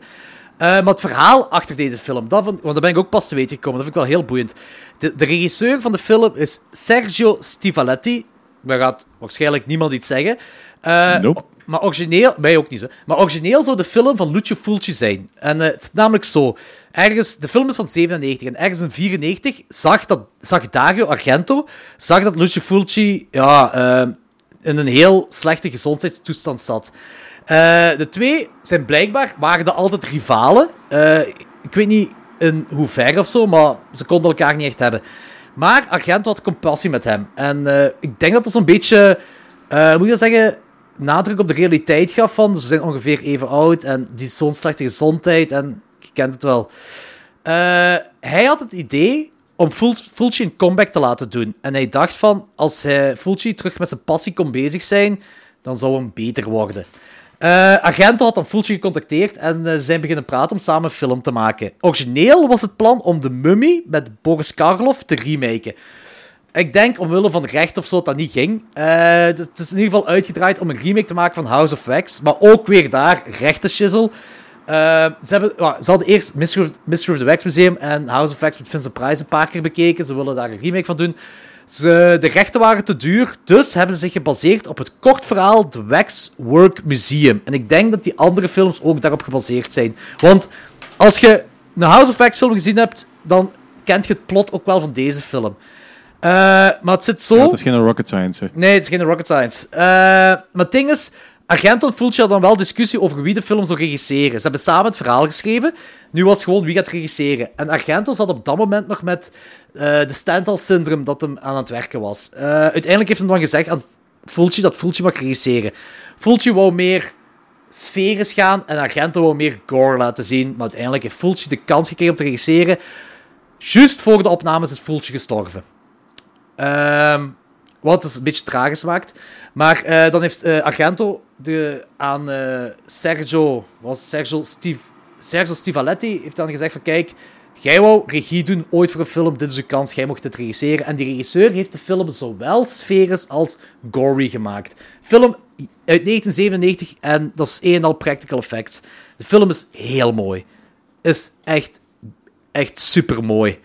Eh, je hebt ook die sfeer van begin jaren 1900 dat je meekrijgt. Eh, ik- het is een dikke, dikke aanrader. En blijkbaar heeft Anthony het daar al over gehad in, een van onze afleveringen. En ik herinner me daar niks van. Ja, maar die aflevering met Anthony, dat is echt gewoon puur chaos altijd. Dus, het is gewoon smijten met filmtitels altijd. Dus, I don't know. ja.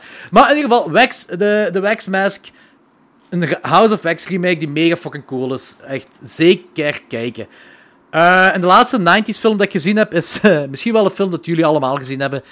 Dat is een Arnold Schwarzenegger klassieker uit 1999 genaamd End of Days. Daar herinner ik me heel ah, weinig ja, van. zeker. Die ken ik nog. Maar ik, ik, ik ken hem wel nog, maar ik ken hem daar heel weinig meer van. Fuck ja. Arnold En- Schwarzenegger vecht tegen de duivel en effectief op een bepaald moment schiet hij met een machinegeweer de duivel af. Wordt, eindigt dat zo niet in een kerk als iemand opgehangen wordt of zo? er zit he- helemaal tegen het einde zit er een kerk in. Ja, Ja, dat ik Eh, dat vaak. Film is meesterwerk. Film is meesterwerk. Oké, ik wil niet zeggen dat dat meesterwerk is, maar ik vind wel dat die fijn was. Maar dat Dus is super cheesy CGI ook en zo allemaal, hè. Weinig, C- minder CGI dan ik zou verwachten. Echt, ik denk dat ik die een beetje aan het verwarren ben met zo het einde van Silent Hill. Ah, Silent Hill is CGI, ja. Dat is meer CGI. End of Days. Eh, maar pas op, er zit CGI in, hè, en dat, dat, is, dat is onnozel natuurlijk en niet goed. Ik geef, ik, het, is, het is voor mij een, een 3 op 5, ehm, End of Days. Maar het is wel Ah, heel plezant. Arnold Schwarzenegger die tegen de duivel vecht. Dat kan niet slecht zijn. Wat wil Ja. je nog meer hoeveel, one-liners zitten erin? One-liners? Oh, ehm... Goh. Ik heb ze niet geteld, omdat dat gewoon ontelbaar is. Nou, dat, is, dat, is, dat is gewoon één en al one-liners. Maar zijn ze van die, zijn ze van die kwaliteiten als Eyes to See You? nee, nee, nee. Ze zijn niet zo legendarisch als die dingen. Dat niet. Dat is een beetje jammer. Ja, ze hebben precies diepgang willen geven aan het personage van Arnold Schwarzenegger. Ja, nee, dat moet je niet doen met Arnold. Ah, in ieder geval, het is een plezante film, End of Days. Ehm Danny, had je nog gezien? Eh, ik zit erdoor. Oké, en Lorenz? Ik zit er Niet ook op, door, ja. niet, op vlak, niet, op vlak, niet op vlak van films, maar gewoon emotioneel. Ik zit erdoor. Ja, En Lorenz, jij ook? Ehm, emotioneel sava. Op het vlak van films, van horrorfilms zit ik erdoor, ja. Ik kan nog wel wat random dingen zeggen dat ik gezien heb, maar het is te zomerig voor te veel horrorfilms te kijken. Ja, ik snap dat. Ik heb er nog drie 2019 films gezien. Yep. Eh, twee Netflix-kutfilms. Echt, mij die twee films. Ik heb er ook gezien dat ze ja, oppopt op Netflix. Secret Ah, ja. Obsession en Kidnapping Stella. Oh, die zagen er allebei erbarmelijk uit, ja. Zeker Ja, die ja, Secret het- Obsession. Ik, ik had de trailer ook niet gezien. Eh, ja. Hier had Ah, ik misschien ja. beter Ja, wel de trailer op had gezien. Eh, ja, ehm ja kijk, kijk, kijk die films gewoon niet. Kut. Films zijn kut. Eh, zijn kut. en het is wel één 2019 film dat ik een zware aanrader vind. En eigenlijk een beetje kan linken met deze aflevering. Het is een eh folk horror anthology film. En de film heet Field Guide to Evil. Ehm, het is een anthology gefilmd door verschillende regisseurs uit verschillende landen. Maar die, naar mijn mening wordt die film een beetje eh, ondergewaardeerd. Die wordt niet zo goed... Allee, op Letterboxd krijgt hij 2,6, op IMDb 4,9, maar op Rotten Tomatoes 75%, maar wel dan door 8 critics. Dus ja... De regisseurs van de kortfilms zijn... Oké, ja, Peter Strickland, zijn bekendste is Burbian Sound Studio. Dat heeft wel Ah, een klein ja, hype gehad toen in de Ja. tijd. Eh, dat is uit Hongarije. En uit Oostenrijk, Veronica Frans en Severin Fiala. En die zijn vooral bekend van Goodnight Mommy. En later dit jaar gaat The Lodge uitkomen van hun. Ze hebben dus ook een kort verhaal gemaakt voor deze film. Good Night Mommy vond ik echt een heel overrated film. Ik vond die niet zo goed. Ah, ik vond die cool. Ja. Ik vond die ook cool. Niet, om, niet weggeblazen. Oké, fair enough. Ehm, dan heb je nog eh, Catherine Gabbe eh, uit Duitsland. En die is vooral bekend van Nothing Bad Can Happen. Ken ik niet. Nope. Eh, uit Griekenland, Janis Veslims. En die heeft een film gemaakt, Norway. Ken ik ook niet. Uit in, er is een Indische daar ook in heeft meegedaan. De, eh, Ashim Ailuia. Miss Lovely. Blijkbaar een bekende film. Ik ken het niet. Eh, uit Polen, Agnieszka Smosjanska. Eh, en hij heeft... Stop er maar gewoon mee. hè. Zij heeft de Loer gemaakt. De Loer heb ik het al eens over gehad. Ja, The Lure zegt me inderdaad al iets. Dat is die zenuwende film. Ja, Ah ja, ja, juist. Die vond ik wel cool. En uit Turkije, Ken Evernol. En die is bekend van Baskin. ah ja, oké. Mm, Eh, die heeft ook een, een, een short gemaakt in deze, in deze film. En dan uit de US, Calvin Reeder. En die heeft The Rambler gemaakt, maar die ken ik niet. Maar wat, een paar eh, regisseurs die wel grave shit hebben gemaakt. Eh, dus al deze kortverhalen zijn op een of andere manier gebaseerd op een folklore. En heel goed gedaan. Echt heel gaaf. Ja, Field, nice. Field Guide to Evil, zeker kijken. Alright. Eh, Cool. Laatste film voor mij is Mei, uit 2002. Eh, quirky low-budget poppenfilm, maar geen supernatural poppenfilm. Dat komt er neer, een griet groeit op met haar pop, eh, denkend dat die pop haar beste vriendin is. Zelfs als ze volwassen is. Eh, de film begint zo dat zij een vreemde vogel is en... Ja, naarmate de film verder gaat, wordt zij eigenlijk ook compleet loco. Ja. Dat is echt een heel quirky film. En eh, een van haar tegenspeelsters is... Ik weet niet meer wat de naam van de actrice is, maar dat is zo die hoofdrolspeler van Scary Movie, van de eerste of de tweede Scary Movie Ah, film. Anna Faris. Ik, ik, wel, kan zijn. Ze heeft ook Friends ooit eens meegedaan, dat weet ik. Ja, dat is Anna Faris. Eh, maar dat, ik vind dat een vrij underrated film, mee. Eh, ik weet dat de mensen die die gezien hebben, die wel hard mee zijn, maar het is een low-budget B-film die eh, draait op de personages. het Ah, gaat dat, echt om de wacht, dat is van de personages. regisseur van The Woman ook, zie ik. Ja, En inderdaad. van Tales of Halloween, ja. Oké, ja. Coole film, Klinkt wel coole boeiend. Dat is een regiedebuut zelfs, ja. Ah, en die heeft ook iets in December. Ah, oké, cool, Ja. dat wist ik niet. Oké, cool. Eh, dat was het voor mij. Alright. Do you ever get a chance to go back to Sweden? I know you're. Uh, I go back all the time. Yeah, You do? I- like, well, as often as I can. Yeah, a couple of times a year. Uh, I try to go back. Yeah. Now, do you, do, I heard of this thing they have in Sweden. Tell me if I'm making this up. Where it's like a celebration of summer or something like that. Some and everyone goes outdoors. Yeah, midsummer. It's the- midsummer. And yeah. They, they dance and they dance around a pole. Well, it's an old pagan holiday. It's basically um, you stick a 30 foot pole, wooden pole covered in leaves and flowers, into the ground. Uh-huh. A very phallic symbol. And, and the symbolism is obviously to fertilize the soil, fertilize Mother Earth. Um, so we celebrate this once a year. and, uh, and what you do is, it makes perfect sense. Oh, so far. You, yeah, I mean, well, what I'm you do is doing it. basically you get together and you eat pickled herring. You decorate the, the phallic symbol. You stick it into the ground. Uh, you drink aquavit, and then you dance around the pole, Uh-huh. and you sing a song about uh, tiny frogs. What is the name of this, This is- holiday? this is- What is Huh? it- what is the name of the celebration? Små grodorna. Yeah, uh huh. now, if you play that in reverse, it's the exact what? Smuggled? No, grodorna. Små little grodorna frogs. Oh, it really is little frogs. Yeah. Wow. So you basically hold hands and you dance around the pole, and then you do these. Uh, uh, a couple, yeah. So the, the song is You based. just show me? Yeah. This is the, But the thing is, this is the pole. Right? well, let's say This is the pole it's right supposed there. to be like. There's supposed to be like tw- like 40 people in a like, and you hold hands. So let's say your desk. We need some space. Oh, we need space. Okay, so, So the- then you go. Um, if you just follow my lead. Uh, Okay. You start with små grodorna, små grodorna är lustiga att se. And it means little frogs are funny to look at. Yeah, yeah, yeah. So it's like, små grodorna, små grodorna är lustiga att se. Små grodorna, små grodorna är lustiga att se. And then you turn and you face each other. Yes. And then you go, ej öron, ej öron, ej svansar hava det. Ej öron, ej öron, ej svansar hava det. That means they don't have any ears. They don't have a tail. Wow. And then after that, you go, go waka ka go waka you're making this go up. waka This is you're making this start up. Go waka ka go waka ka go waka ka ka ka. Wow, oh my god, fantastic. That is how you do That is how you do it. That is Smogogia. Ah, wacht! Daar mocht ik in de vorige af... Nee, ik mocht het daar in de vorige aflevering niet over hebben, van u, Logans. Maar ik heb alle kortfilms van Ari Aster gezien. Ah ja, inderdaad, maar... Oké, zeg maar, go nuts. Nee, ik ga het niet bespreken, maar ik wil het heel even over... Ik ga, ik Ja, ja. gewoon over drie, ik het over drie eh, films hebben, want er zijn er maar drie kortfilms dat echt horror zijn. Of aanleunen, aanleunen tegen de horror. Trouwens, alle Ari Aster's kortfilms staan op ofwel YouTube ofwel Vimeo. Eh, En die gaan op. allemaal Eh, over fucked up gezinssituaties? Of... Holy shit, ja. Ja. Eh, zo goed als Ari Aster haat families, denk ik. Ik weet dat En- een van die zijn kortfilms gaat over een... Ja, oké, nu heb je het gewoon helemaal compleet gespoild. There you go. dikke, dikke, dikke spoiler, Logans. Piep dat er maar uit. Piep dat er maar uit. Ik ga beginnen met Bo, Bo uit 2011. Dat gaat over een man dat op een appartement woont en hij wil naar zijn moeder gaan. Maar hij wordt, zal ik zeggen, tegengehouden door verschillende bizarre toestanden. Ik ga het daarbij houden. Eh, het einde van de short roept heel veel vragen op. En dit is de enige kortfilm van hem dat onder horror valt op IMDb. Ah, oké. Eh, Wacht, welke is diegene van die... Is dat The Strange Thing About the Johnsons? ja, dat is die, ja. Ah, ja, oké. Dat is ook zijn allereerste short. Ja.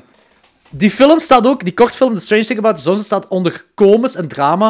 Maar het is niks komisch. aan- Drama, dramatisch is het wel, maar het is niks. Als dit comedie is volgens Ari Aster, dan heeft die kerel echt een fucked up mind. Ja. Ik Dus zult, zult weten, want eh, zijn volgende film hoopt hij een comedie te, te maken. Ja. Waar ik heel dat dat excited voor ben, eigenlijk. En eh, de laatste is Munchausen. Eh, Ah, ja. Die staat ook onder drama-comedy. Eh, er is ook niks komisch aan deze show. Tuurlijk niet. Munchausen is, is iets verschrikkelijk. Eh, het gaat zelfs over Munchausen bij Proxy. Ah, niet ja. over Munchausen. Dat vind ik zo'n... Ik heb het daar volgens mij al eens over gehad, over dat fenomeen. Ik vind dat zo'n absurd raar fenomeen, hè, zo'n Munchausen bij proxy. Dat wordt in dinges, Ja. komt dat ook naar voren. In de Sixth Sense. Ja. Ja, dat is zo Eh, raar, ja. Dat is, dat is trouwens ook geen spoiler. Dat is echt vanaf het begin al dat Munchausen bij Proxy is. die film noemt Munchausen. Ah, Munchausen. Ja. En eh, die Strange Thing About the Johnsons, ik zou dat eigenlijk ook psychologisch klasseren onder disturbing cinema. Ja, dat makes sense. Die veel... Ik heb het er met Kaat over gehad. Kaat heeft die ook gezien. En Kaat zei echt zo van... Op shock zei ze van... Dude, what the fuck, wat heb je mij laten zien? Ja, dat is, echt, niks voor Kaat. Dat is. Kaat is veel te gevoelig voor dat te zien. dat is echt heel bleek, heel bleek. Ja. Eh, goed, dat was het. Ehm, ik ga heel even een pinch halen, want het is veel te warm. En dan zijn we terug voor onze eerste feature review. Oké, ik hou een pinch na, snel. Jongens en meisjes, horrorliefhebbers. Dit is het officiële pauzemoment van klokslag 12, meisjes en jongens. Wow, goed. Blood on Satan's Claw, Ja. eh, a.k.a. Devil's Skin uit 1971. Geregisseerd door Pierce Haggard. Eh, de naam zelf zegt mij niks, maar op IMDb staan 55 credits onder regie en ik ken niks van hem. Eh, eh, wie doet er mee? Patrick Weiberg speelt de judge. Eh, hij doet ook mee in Roman Polanski's Repulsion. En hij is blijkbaar kort na deze film, na de shootings, gestorven. Ehm The Curse En- of Satan. er- en zowel Christopher Lee, Peter Cushing als Donald Pleasant wouden ze eerst vragen, maar ze dachten dat deze acteurs te, duur, te duur waren. Te bedenken dat Christopher Lee twee jaar later gratis heeft gespeeld in The Wicker Man. Ehm, Linda Hayden speelt Angel Blake. Ehm, dat is vooral, zij is vooral bekend van de Hammer horrorfilm The Taste, Taste the Blood of Dracula, wat ook met Christopher Lee is. Ehm wie doet er nog een mee? Barry Andrews, eh, nee, Barry Andrews speelt Rolf Goer, eh, ook bekend van de Hammer horrorfilm Dracula has, risen from the, has Risen from the Grave, ook weer met Christopher Lee. Eh, Michelle Dottris speelt Margaret, Wendy Potbury speelt Cathy Vespers en Anthony Ainley speelt Reverend Fellowfield. Tagline: A living nightmare of black magic and unspeakable evil. Hun synopsis slogans? Ehm, ja, het gaat over. ehm, Wacht, hè. Oké, even nadenken hoe ik dit ga verwoorden. Eh, het gaat over iemand die op een boerderij werkt en eigenlijk gewoon een rare schedel vindt in de aarde. Die gaat ehm, zijn baas of zijn judge of zo, dat weet ik niet heel goed wat het in zijn rol was. Ehm, Dat is de judge, de rechter. Right, judge. Eh, die gaat hij halen en als hij terugkomt is dat lijk verdwenen. Eh, Mhm. Maar terwijl hebben ook zo een hoop kinderen in datzelfde dorp ehm, een klauw gevonden of zoiets. Ik, Het was toch een klauw of de nagel of zo? Ja, ja. Een En, klauw, ja. eh, langzaam maar zeker beginnen die kinderen gewoon raarder en raarder me- en meer evil te worden. Ehm, en het komt er dus op neer dat zij eigenlijk Petjes haar. eh, petjes haar krijgen en dat zij ehm, een soort cult vormen onder leiding van een van die jongeren Gieten. die Angel noemt. Ehm, En de bedoeling is om... De ironie. Ja. ja. Woe! Hey. En de bedoeling is om eh, lichaamsdelen te verzamelen om hun meester eigenlijk terug tot leven te wekken. Ja, komt op. Ja, ja, dat is goed Ah, ja. gezegd. Ja, dat is eigenlijk... eh, ja, perfect. Eh, er is een, een, een filmpje op, op YouTube waar Joe Dante ehm, deze film ook uitlegt, want hij vindt dit... Hij, dit is een van zijn favoriete films van de jaren 70. Samen met The Wickerman en nog een paar van die folk horror Ja. dingen. Maar oh, waaronder dit, dat is ook wel leuk. Ik had nog nooit van deze film gehoord en ik vond hem wel heel graaf eigenlijk. Ik heb al. Mhm. eh, de laatste 20 minuutjes heb ik zo wat in en out gekeken, want ik was heel moe aan het geraken. Maar voor de rest was ik echt wel heel goed mee. Die setting is ongelooflijk boeiend, vind ik. En ik ben wel zo'n fan van het volkhorror gegeven. Eh, het is ook dankzij deze film dat ze in de UK... ehm, eh, in de UK was dit wel een succes toen dat uitkwam. En toen zijn ze uit de studio gegaan en hebben ze... eh, dit heeft zo wat, moet ik zeggen...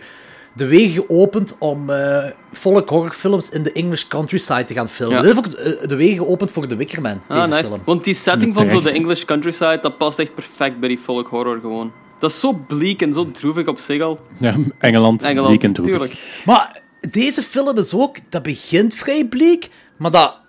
Dat is zo een beetje een, een sneeuwbaleffect. Zo dat, dat wordt wat bleeker en donkerder eigenlijk. Per Maar, scène. Ik, had er straks gezien dat je dan een review had geschreven, maar ik vind het zo... Ik vind niet per se dat dat, dat, dat zo bleek en donkerder wordt tot zo... Ja, echt heel fel. Maar een beetje misschien, maar niet zo heel fel, vind ik. Oh, ik bedoel- weet het niet, hoor. Ik, vind, goh, ik, ik had dat wel zo. Op een bepaald moment is er een verkrachting dat ik niet zag aankomen. Ja, dat zag ik ook totaal niet aankomen. Ja, oké, punt. Dat was raar. Ja, oké. Dat was- Maar wacht we, zullen, wacht, we zullen van begin beginnen. ja, zo, hè. Dus, je hebt zo die intro in de, wat, wat Logan zei met Ralph, dat een stuk schedel vindt met, met een oog en een stuk vacht. En eh, ja, die rechter, die, hij vraagt aan die rechter, fiend, de eigenlijk. rechter... Wat blieft? Een fiend wordt het genoemd. Ah ja, voilà. Eh, en hij zegt tegen die rechter, en dan gaan ze kijken, en dat is allemaal verdwenen. De schedel is verdwenen. Eh, en Ralph denkt onmiddellijk altijd dat iets supernatural aan de hand is. En dan ondertussen bezoekt Pieter, iemand anders dus, samen met, verloofd, met zijn verloofde, de tante. En bij die tante woont die rechter ook. Eh, zowel die rechter als die tante verbieden om het koppel samen te slapen. Dat is iets van die tijd waarschijnlijk, dat een koppel die samen mocht slapen. Eh, en de vrouw... Dat is eigenlijk, eh, ze, vonden de, ze vonden dat meisje gewoon niet goed genoeg. Ja, voilà. Hem te laten weten Ah, dat hij een goede was dokter was. En hij is zo een beetje nobelish. Is zo een landlord. Ja, een, een be- van betere klasse. Die ook heel shitty wonen, by the way, voor een landlord te zijn. Maar dat is, dat is een ander verhaal. Dat is voor de tweede film. Ehm, en eh, die vrouw begint dan ook zo stil... Ja, die begint insane te worden. En heel die film lang heb je zo een soundtrack die ik persoonlijk fantastisch vind. Maar die is Ja, heel... ik, vind die wel, ik, ik kende die soundtrack, maar ik had, die nog nooit, ik had deze film nog nooit gezien, dus ik had er nooit naar die film kunnen koppelen. die Die, hele- film begint en die soundtrack kikt, eh, kikt in en ik heb zoiets van, ah yes. Dat Ja, is en die dat is- hele is quirky soundtrack van. En heel ongemakkelijk ook, vind ik. zo. Ja, ja, ja. En met die cello en die fluit en eh, violen. eh, is een viool? Ja, Oh, nee, fluit, fluit en cello, dat is zo. Maar- Ja, heel cool. Het is ook door die soundtrack dat die film zwaarder aanvoelt, denk ik. Dat kan ik wel geloven, ja. Eh, ik denk dat het daar ook zo een beetje mee te maken heeft. Ehm, en eh, dus die, die griet die insane zou worden, plots ziet Pieter ook dat ze, die griet een klauw heeft. En dan wordt ze weggeleid. Ja. Eh, En op het moment dat je ook zo... dan, dan gaan we over naar een klaslokaal. En dan denk je van, oké, nu gaan... Dan wordt zo wat gespeeld en zo wat nozel aan het doen. En dan, die kinderen hebben dan zo een mysterieuze klauw gevonden. Maar het wordt er zo... Oké, dat stukje is nog wel savant, maar dan gaan we terug naar Pieter, dat zo... Die naar de zolder gaat en die wordt er aangevallen door een groot beest. Op dat moment weet je ook nog niet wat dat groot beest is. Ja. Dat was heel verwarrend wel, moet ik zeggen. Ik kon zo niet echt goed volgen van wat er precies aan de hand was toen. Omdat, ja, ik, ik, ik- er zijn veel theorieën rond en veel, veel dingen. eh, je kunt er veel over opzoeken, maar hij, hij- Ik weet niet of hij imagined of zo, maar op een bepaald moment denkt hij dat hij die klauw, beer, of ja, vacht, arm, whatever, afsnijdt, maar uiteindelijk snijdt hij zijn eigen hand eraf. Ja. Ja. Maar Ja. iets heel zot was. Dat was, dat was inderdaad verwarrend. Dat is denk ik wel de bedoeling om zo verwarrend Ja, te zijn. tuurlijk, tuurlijk. Maar dat was wel iets heel donker, vond ik. Ja, ja, zeker en vast. Gewoon omdat al, alles gebeurt in zo'n heel kille sfeer. En dan ook zo die verkrachting zijn en zo, wat je later zegt. Van, dat gebeurt ook zo heel kil allemaal. En zo heel grijs gefilmd, heel koud voelt dat aan. Die verkrachting vond ik echt zot. Dat vond ik... Ja. eh, dat is ook zo met kinderen, dat, dat, zo die, is dat die Mark denkt, die zo hem naar buiten lokken, en dan zo naar die... Wow, ik weet niet. Dat is, dat is, dat is, dat is, eh, misschien ook omdat het allemaal met kinderen is. Ja, tuurlijk. Misschien daarom ook dat ik die film donkerder vind. Ja. Want ik vond eigenlijk echt dat er geen enkel luchtig moment in zat. Nee, tuurlijk niet. Ai, op zich, die Maar personages je hebt zijn zo die vrij- jaren, die jaren 70 luchtigheid zit er wel in, maar dat is zo... Het quirkiness bedoelt je? Ja, ik weet niet, is dat quirky? Ik, dat is, Dat- dat al is die zo- dat is zo- personages zijn zo'n beetje karika- karikaturen. Dus dat maakt het Ja, zo'n is- beetje luchtiger, vind ik. Het is gelijk, gelijk dat straks zei van... eh, ik had zo een hele... Ik had zo'n beetje het gevoel dat het zo... Dat The Witch van een paar jaar terug hier eigenlijk zo'n soort van remake was, maar dan zo veel zwaarder. Mhm. En dat dit zo de jaren 70 versie was met gewoon meer personages. Maar het is ook wel...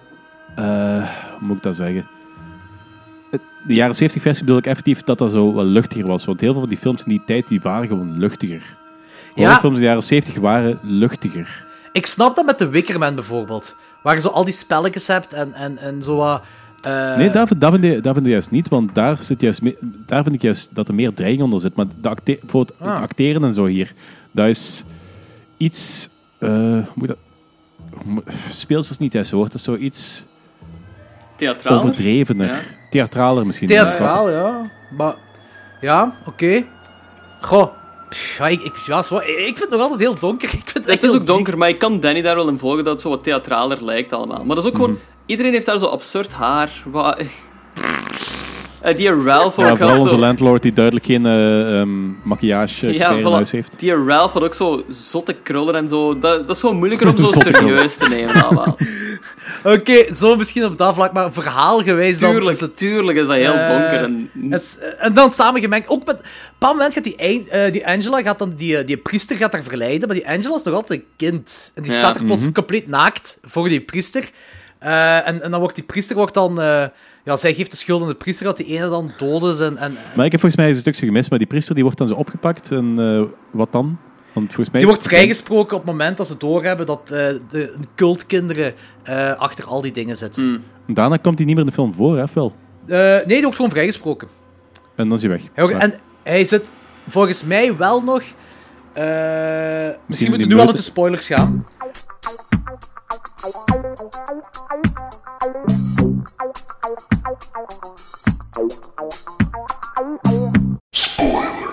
Als ze...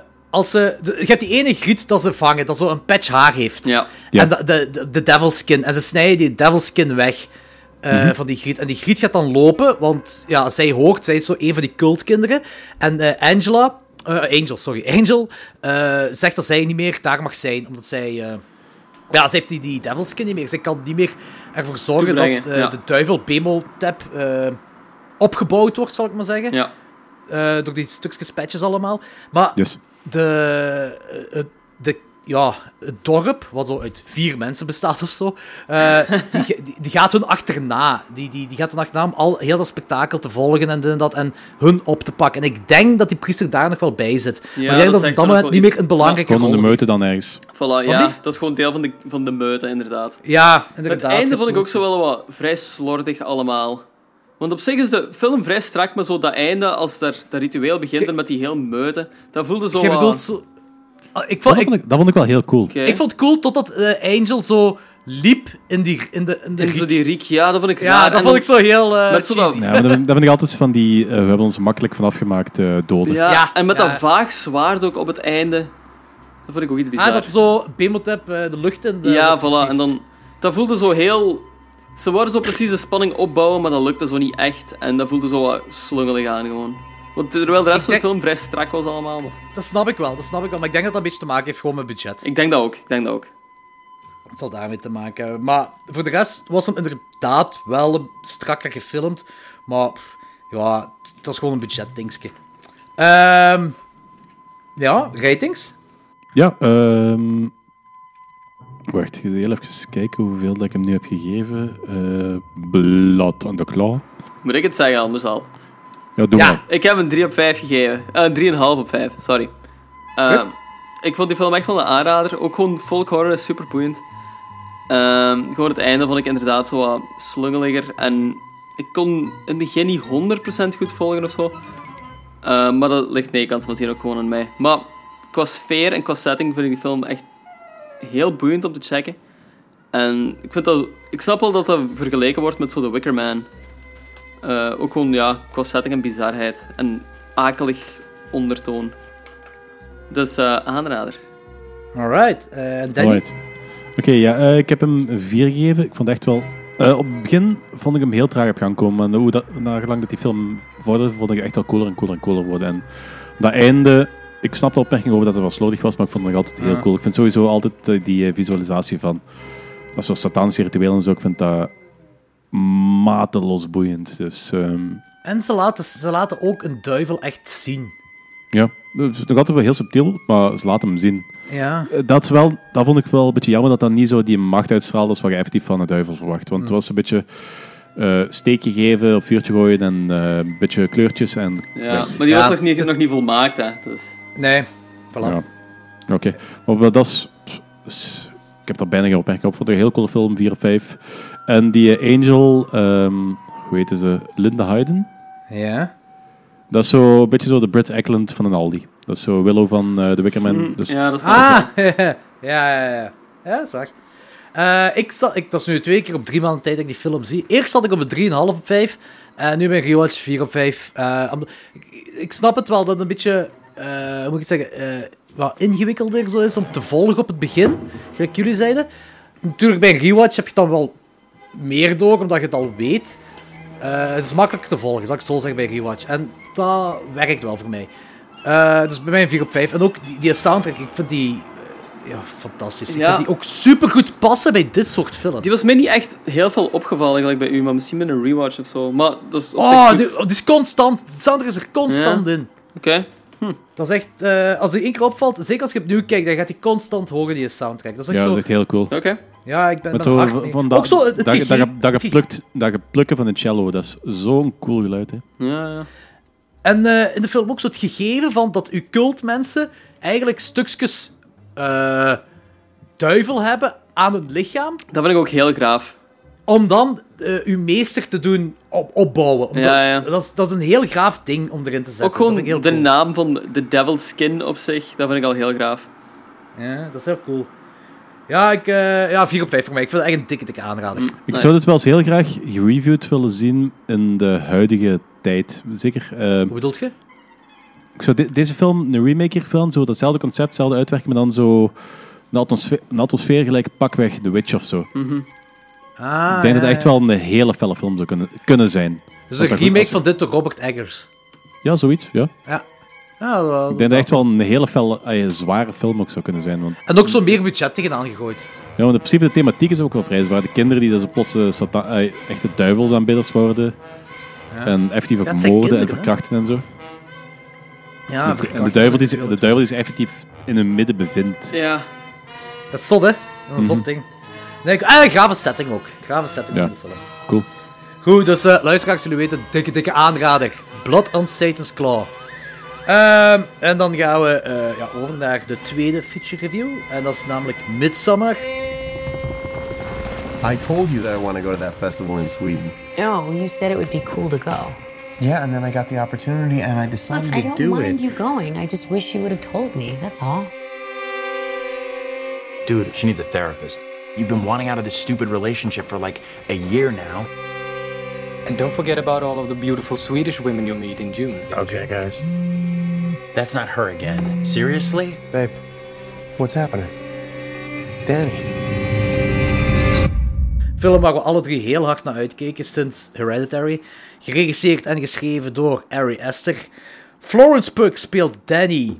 Jack Rayner, Lucas Lely speelt Christian. I swear to fucking God, this is just Lucas Ja. Lely. Toen je dat zei, ja, was echt, ja. Ehm Phil, eh Wilhelm Blågrim speelt Pelham. Dat is zijn future, eh, zijn, eh, moet ik zeggen, zijn uh, acteerdebuut in een langspeelfilm.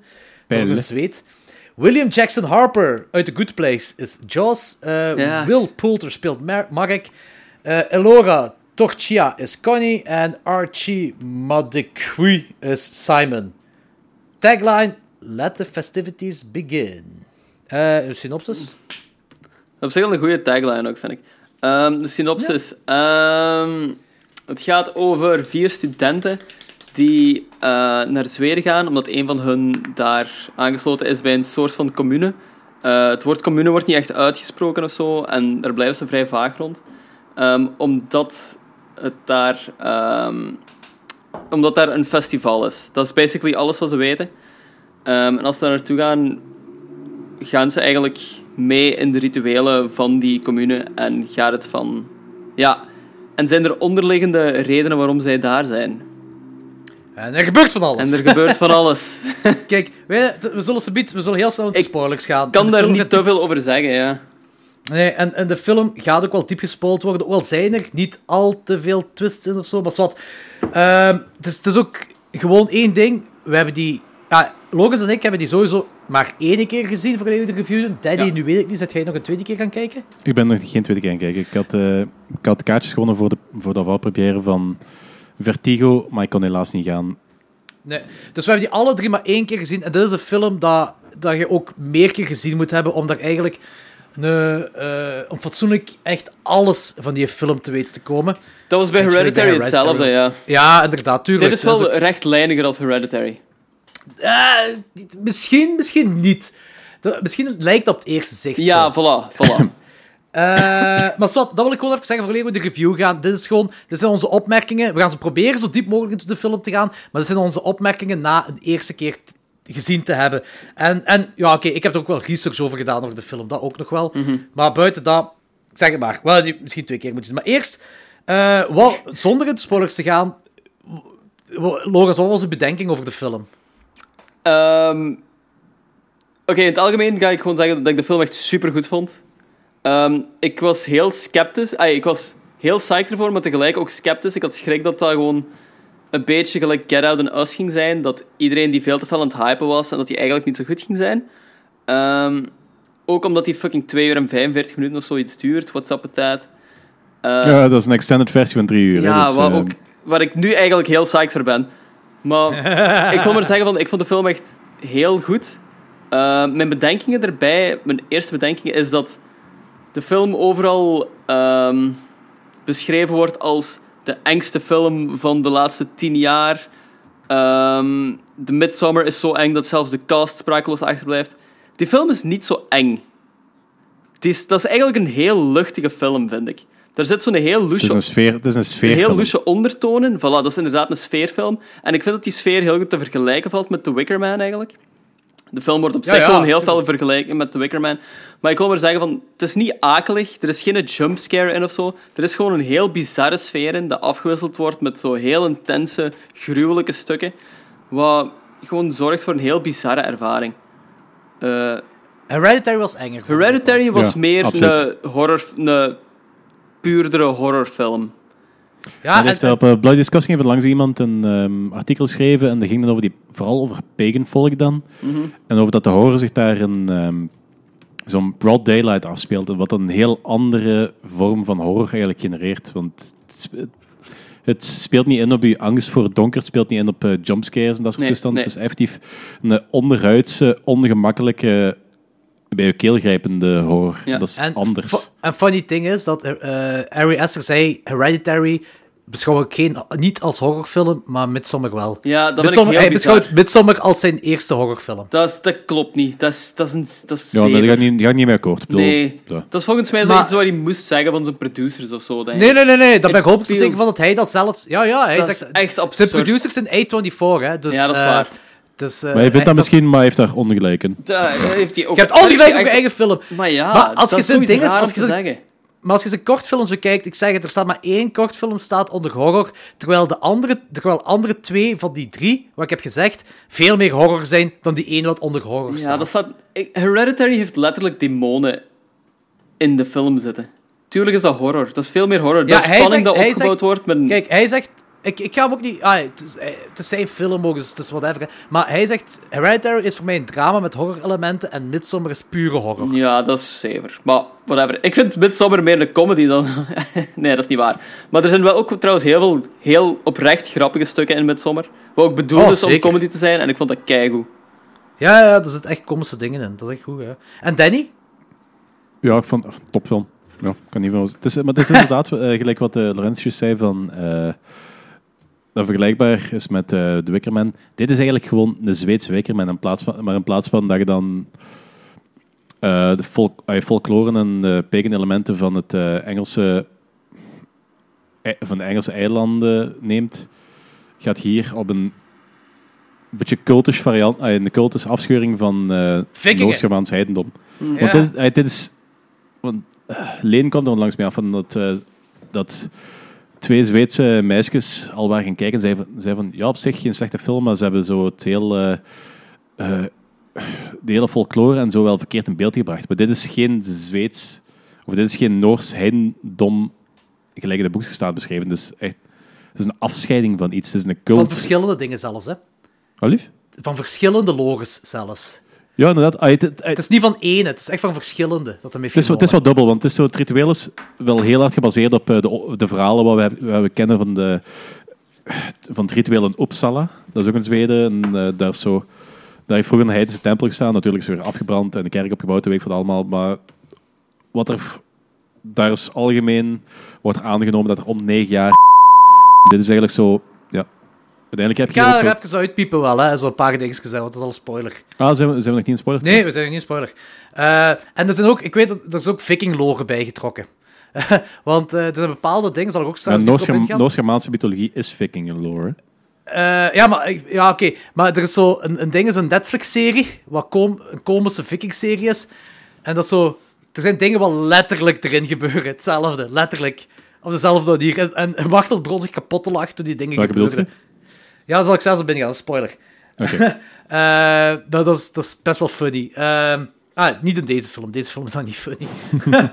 Ehm, maar oké, dus dat is, eh, ik, ik zit op dezelfde lijn. Eh, film van het jaar voor mij. Ik ga wel zeggen, ik ga nog geen rating nu geven, pas op het einde van het hele gesprek, want ik had een gedacht van de film net na die film. Toen ik thuis kwam, had ik een... eh, zal ik zeggen, mijn rating was al veranderd toen ik thuis kwam. Die film heeft echt zo blijven nazinderen. Jordi En, heeft vragen. Ik hoor het nu al. Nee, ik heb geen vragen. Nee, nee, nee. Die, die film heeft blijven nazinderen. Eh, gewoon van... Dat is een film die, die met u meegaat. En eh, dit gesprek... ja, ik weet niet. Dat zou kunnen dat ik gewoon meer psyched word door dit ja, gesprek. Nee, maar ik heb geen vragen. Maar we kunnen wel het spoilers gaan nu, denk ik.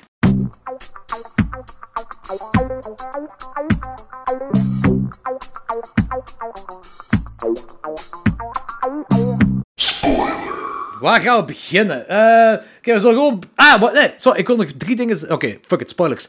Ehm, van die director's cut, er is een uur lang interview van Ari Aster over deze film op YouTube. Hij heeft erin gezegd, in die drie uur lang... eh, er gaan vooral meer rituelen zijn en meer genre stuff. Ik denk dus meer Oh, horror. yes. Ja, oké. Gaat er in die drie uur lang Dat zijn. vind ik En de originele, de originele cut zou vier uur zijn, blijkbaar. Dat is absurd. Dat is absurd. Ja.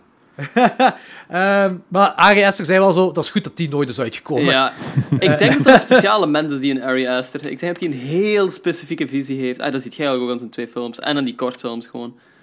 Dus... Die, ah, je die kortfilms ook gezien? Nee, nee, nee, maar ik weet al waarover sommige gaan. En ik denk Ah, dat. Eh, de film is ook deze film is ook geschreven tijdens de breuk van Ari Aster's relatie. Hmm. Eh, en dat is ook de grootste invloed geweest voor deze film. Dat zit je wel op het einde. Hij was een beetje boos volgens mij. Oh ja, inderdaad. Ja, ja. Eh, en wat ik heel cool vind, en dat zie je ook in de film, eh, hij heeft custom lenzen laten maken voor de camera. Ah, Heeft, dat dat zo overbelicht was. Ja, niet per se overbelicht, gewoon een ander soort, ander soort Ja. Visueel ding ziet. Ja, je- maar niet op het gebied van breedte, maar op het gebied van kleuren. Nee, ik, eh, op dingen diepte. Oké. Op die, oh ja, kleuren, kleuren waarschijnlijk ook wel, maar diepte ook, omdat alles is zo, ze- hij heeft zo alles zo symmetrisch in beeld willen brengen. Ja, echt zo'n Wes hebt zo'n- Anderson vibe. Alles was Ja, ook heel ruim, wel. heel ruim geschot, vond ik. En Ja. dat, de film is ook op een heel boeiende manier op het gebied van kleuren dan gefilmd.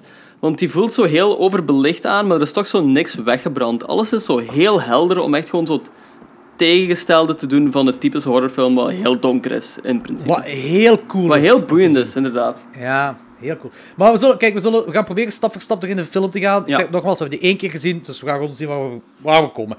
Eh vooraleer we die eh, begintiteling nog maar hebben, begint de film al heel donker. Eigenlijk is het gewoon pikzwart. Je hebt een hele introductie van eigenlijk dat de relatie tussen Danny en Christian heel slecht is. Eh, Christian is zo een, het slechtste vriendje aller tijden, een heel Hij is gevoelsloze... super, super apathisch. Voilà, heel apathisch. Een Ja. robot, een robot. en Dus hij wil... eigenlijk Ryan Gosling. Ja, ik je zeggen. en eh, hij wil... eh, Jongen, ik heb, die, ik heb die gegoogeld en die foto, hij heeft exact dezelfde blik als fucking Lucas Lely ook gewoon. eh. Dat is echt het beste ooit. Ja, oké. En hij wil onder de druk van zijn vrienden het uitmaken met die Danny. Maar Danny's zus heeft besloten om haar ouders te vermoorden en zelfmoord te plegen. En fucking hoe? Ja, dat was grappig. Dat is de zotste moord, zelfmoord, dat ik een beeld ooit heb gezien. Allee, op zich van die ouders, Sava, maar dan krijg je zo het beeld van hoe dat die zus eruit ziet. En die heeft dan zo een ding, zo... Een gas... Een gasmasker. Nee, is een gasmasker? Die heeft dat zo Ja, geductaped aan Het haar mond. omgekeerd, ja.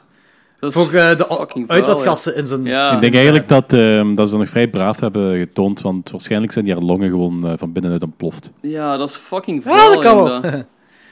heel veel gegeven. Het coole is, op Danny's appartement heb je een schilderij van een vrouw met een bloemenkrans en een beer. Interesting. Dat is, helemaal, ik heb, ik, dat is helemaal niet op mijn appartement. Ah ja. Kijk, dat zijn al dingen dat ik al gemist heb. hè. En dat vind ik al heel boeiend dat dat er is bijgekomen. En het coole is ook, eh, er zijn twee Shining-referenties. Eén is eh, de topshot van eh, het Ah bos ja, als naar het- eh, met de weg. Ja. Als hij naar de dinges gaat, zo die camera inloopt. Eh, oeh, nee, dat is zo eh, een topshot van een bos dat de auto rijdt. Ah, oké. Eh, op een weg. Ah, oké. Ah, dat ja, is ja, ja, ja, ja. Dum, Zijn mee. Inderdaad. En het patroon van, eh, het van de bedovertrek van Danny Ah ja, is eh, ook zo. is het patroon van, de, van het tapijt van, eh, van, de Shining, van het hotel. Oké, oké, dat is wel een fijne note. Dat vind ik ook wel cool. Eh, Oké, zwart, maar dus Christian maakt het niet uit, eh, maar eh, hij maakt niet uit met haar. Waarschijnlijk, ah, ja, dat vind ik wel een beetje normaal, eh, wat, wat omwille van wat de zus gebeurd is.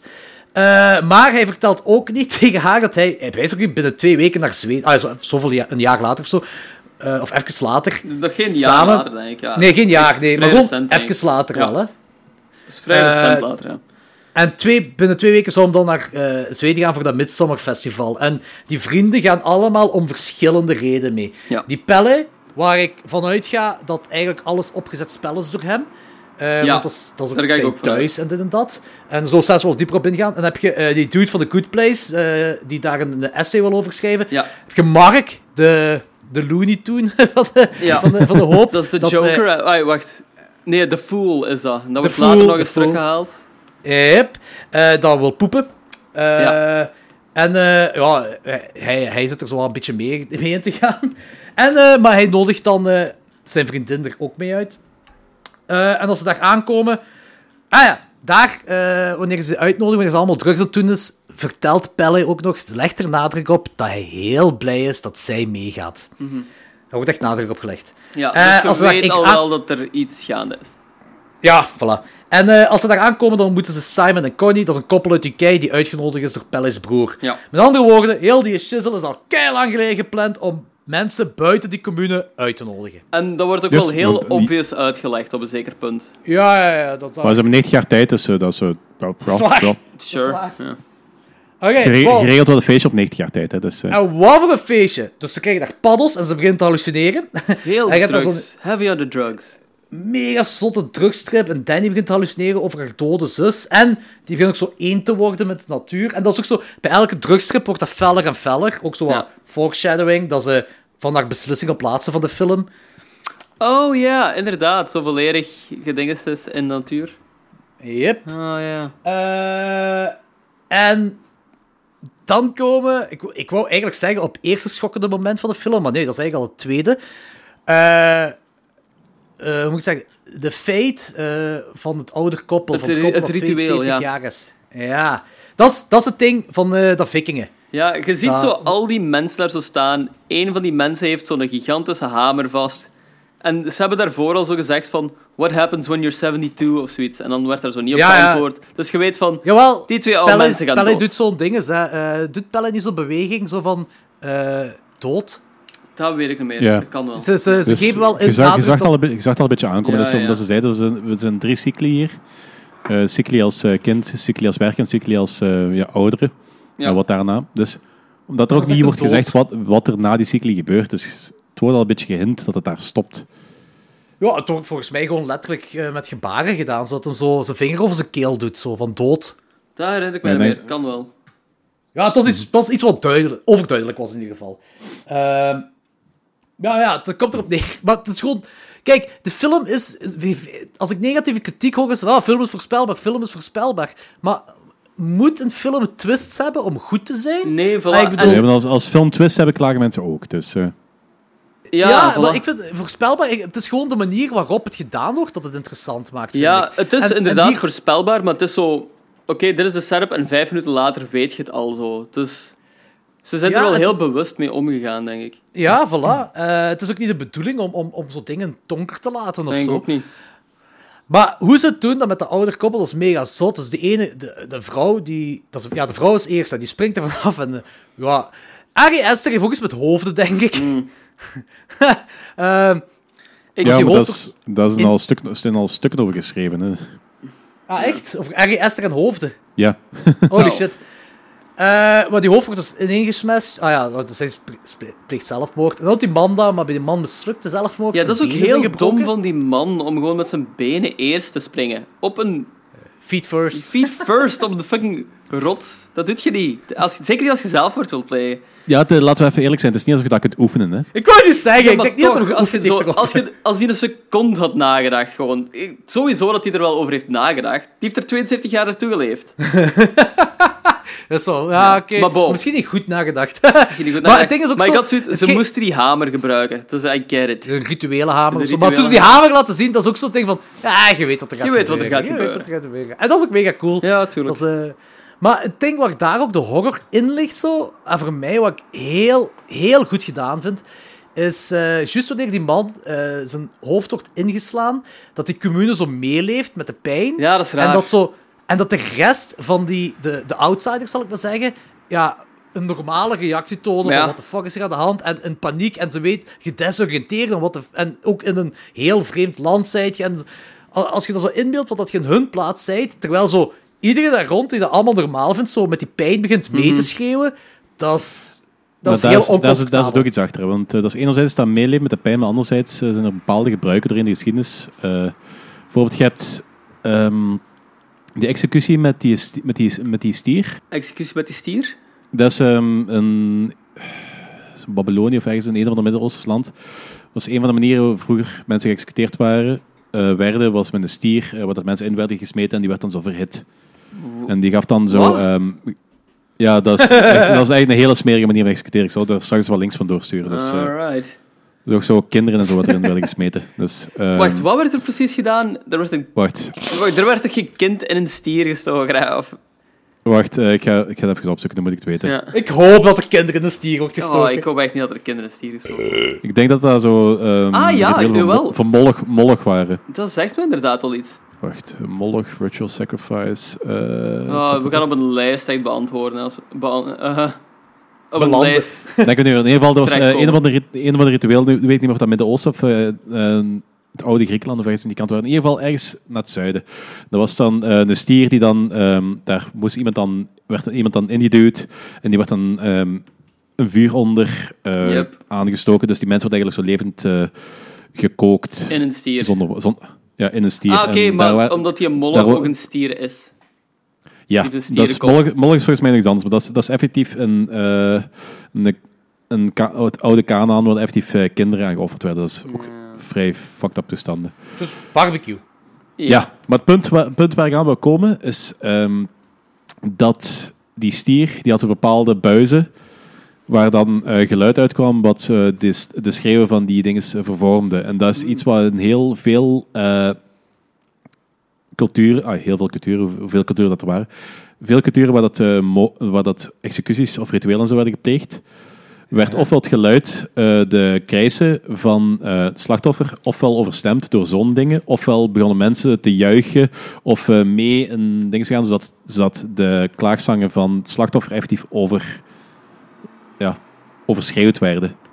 Wat Ah, het. Ik weet niet, een bepaald copingmechanisme denk ik eigenlijk dat dat is.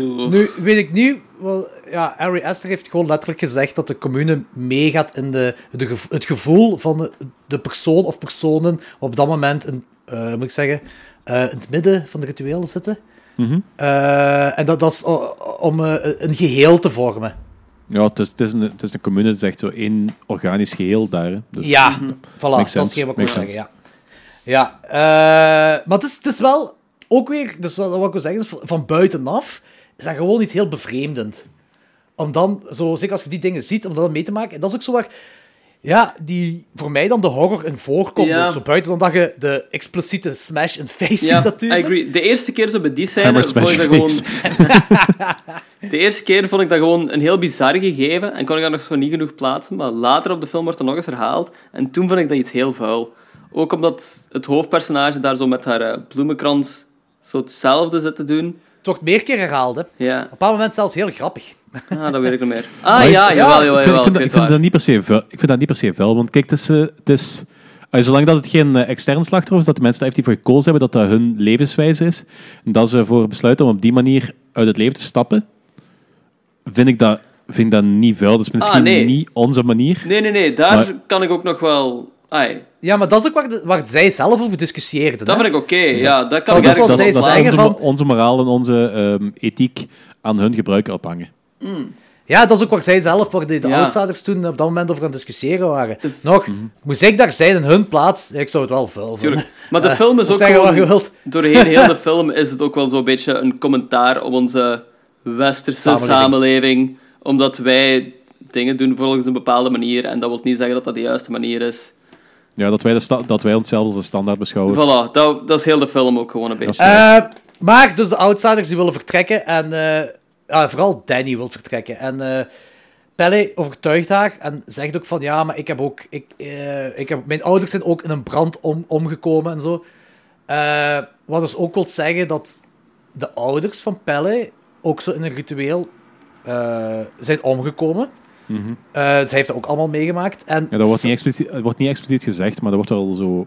Ja, vrij- het ligt er wel, het ligt er wel vrij dik op. Mhm. Ja, voilà, Want niemand, niemand sterft daar gewoon. Nee, inderdaad. Eh, en Simon en Connie beslissen wel om te vertrekken. Maar Connie verdwijnt dan nadat ze te weten is gekomen dat Simon zogezegd al op het treinstation is. Eh, maar nadien vinden we hem terug in een Blood Eagle. dat is ook zo'n logo dat komt van, volgens mij ook de Vikingen. En dat deed me Ja. heel veel denken, ik denk, Danny, dat, dat jij me daarin kunt volgen, aan de Hannibal-serie. Ja, dat is ook. En Hannibal wordt ook wel ergens uitgevoerd. Dat is, eh, Maar die, dat is- ehm, die Blood Eagle is, voor zover dat ze weten, maar één keer effectief uitgevoerd. Wacht, wat was die Blood Eagle?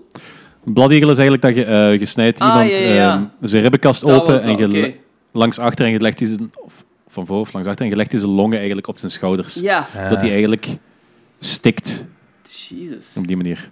Ja, dat is een, Ja. hele, dat is een hele felle manier om eh, te sterven. Dat is- voor zover we weten is dat maar één keer eh, effectief echt uitgevoerd. Waar... Jezus. Hoe komt je daarop? Eh, ja, mensen. Dat, dat, is, dat, dat, is een, me- dat is een zware straf. Een, Ja, Viking- een Vikings wordt effectief ehm, wordt, eh, uitgevoerd. En dat is, eh, ik weet niet of je de serie gezien hebt. Nee, eh, ik heb alleen de grappige Viking-serie gezien. Ja, dit, is, dit, is Netflix. echt wel heel, dit is echt wel heel cool. Dus natuurlijk een beetje met eh, weer zo wat eh, interessanter gemaakt, maar er zitten wel heel coole scènes. Ja, ja. En een, die Blood Eagle scene is een van de interessantste dingen die ik de laatste jaren heb gezien. Dat is echt belachelijk. Wacht, en hoe ging dat meisje weer dood dan? Die vriendin van Simon? Eh Connie bedoelt je? Ja. Eh, hoe is hij gestorven? Hoe is zij gestorven? Want ik dacht dat zij de Blood Eagle was, maar dat is niet zo. Eh, nee, nee, nee. Simon, Simon, is de de Blood, Blood Eagle. Eagle. Ja. Ja, en... Maar je hoort... Nee, was wat dat meisje gebeurd. Want je hoort haar Oh, schreeuwen ik ben aan wel. het denken, dat weet ik zelfs niet meer. Ja. Ziet je, dat is al het probleem als we de film maar één keer gezien hebben. Hè? Ja, voilà. Eh, misschien dat we straks opkomen, maar wat. Eh, op een bepaald moment steelt Christian het idee van Jos om ook eh, het Midsommar-ding als onderwerp te, ge- te kiezen als thesis. eh, waardoor er zo wat vrevel ontstaat tussen Jos en Christian. Eh, en dan heb je Jos, dat, dat probeert zo informatie over die eh, oudere runepraktijken te verzamelen. En die, die gebaseerd zijn op de schilderijen. Die gemaakt zijn door een misvormd, door incest geboren lid van hun commune.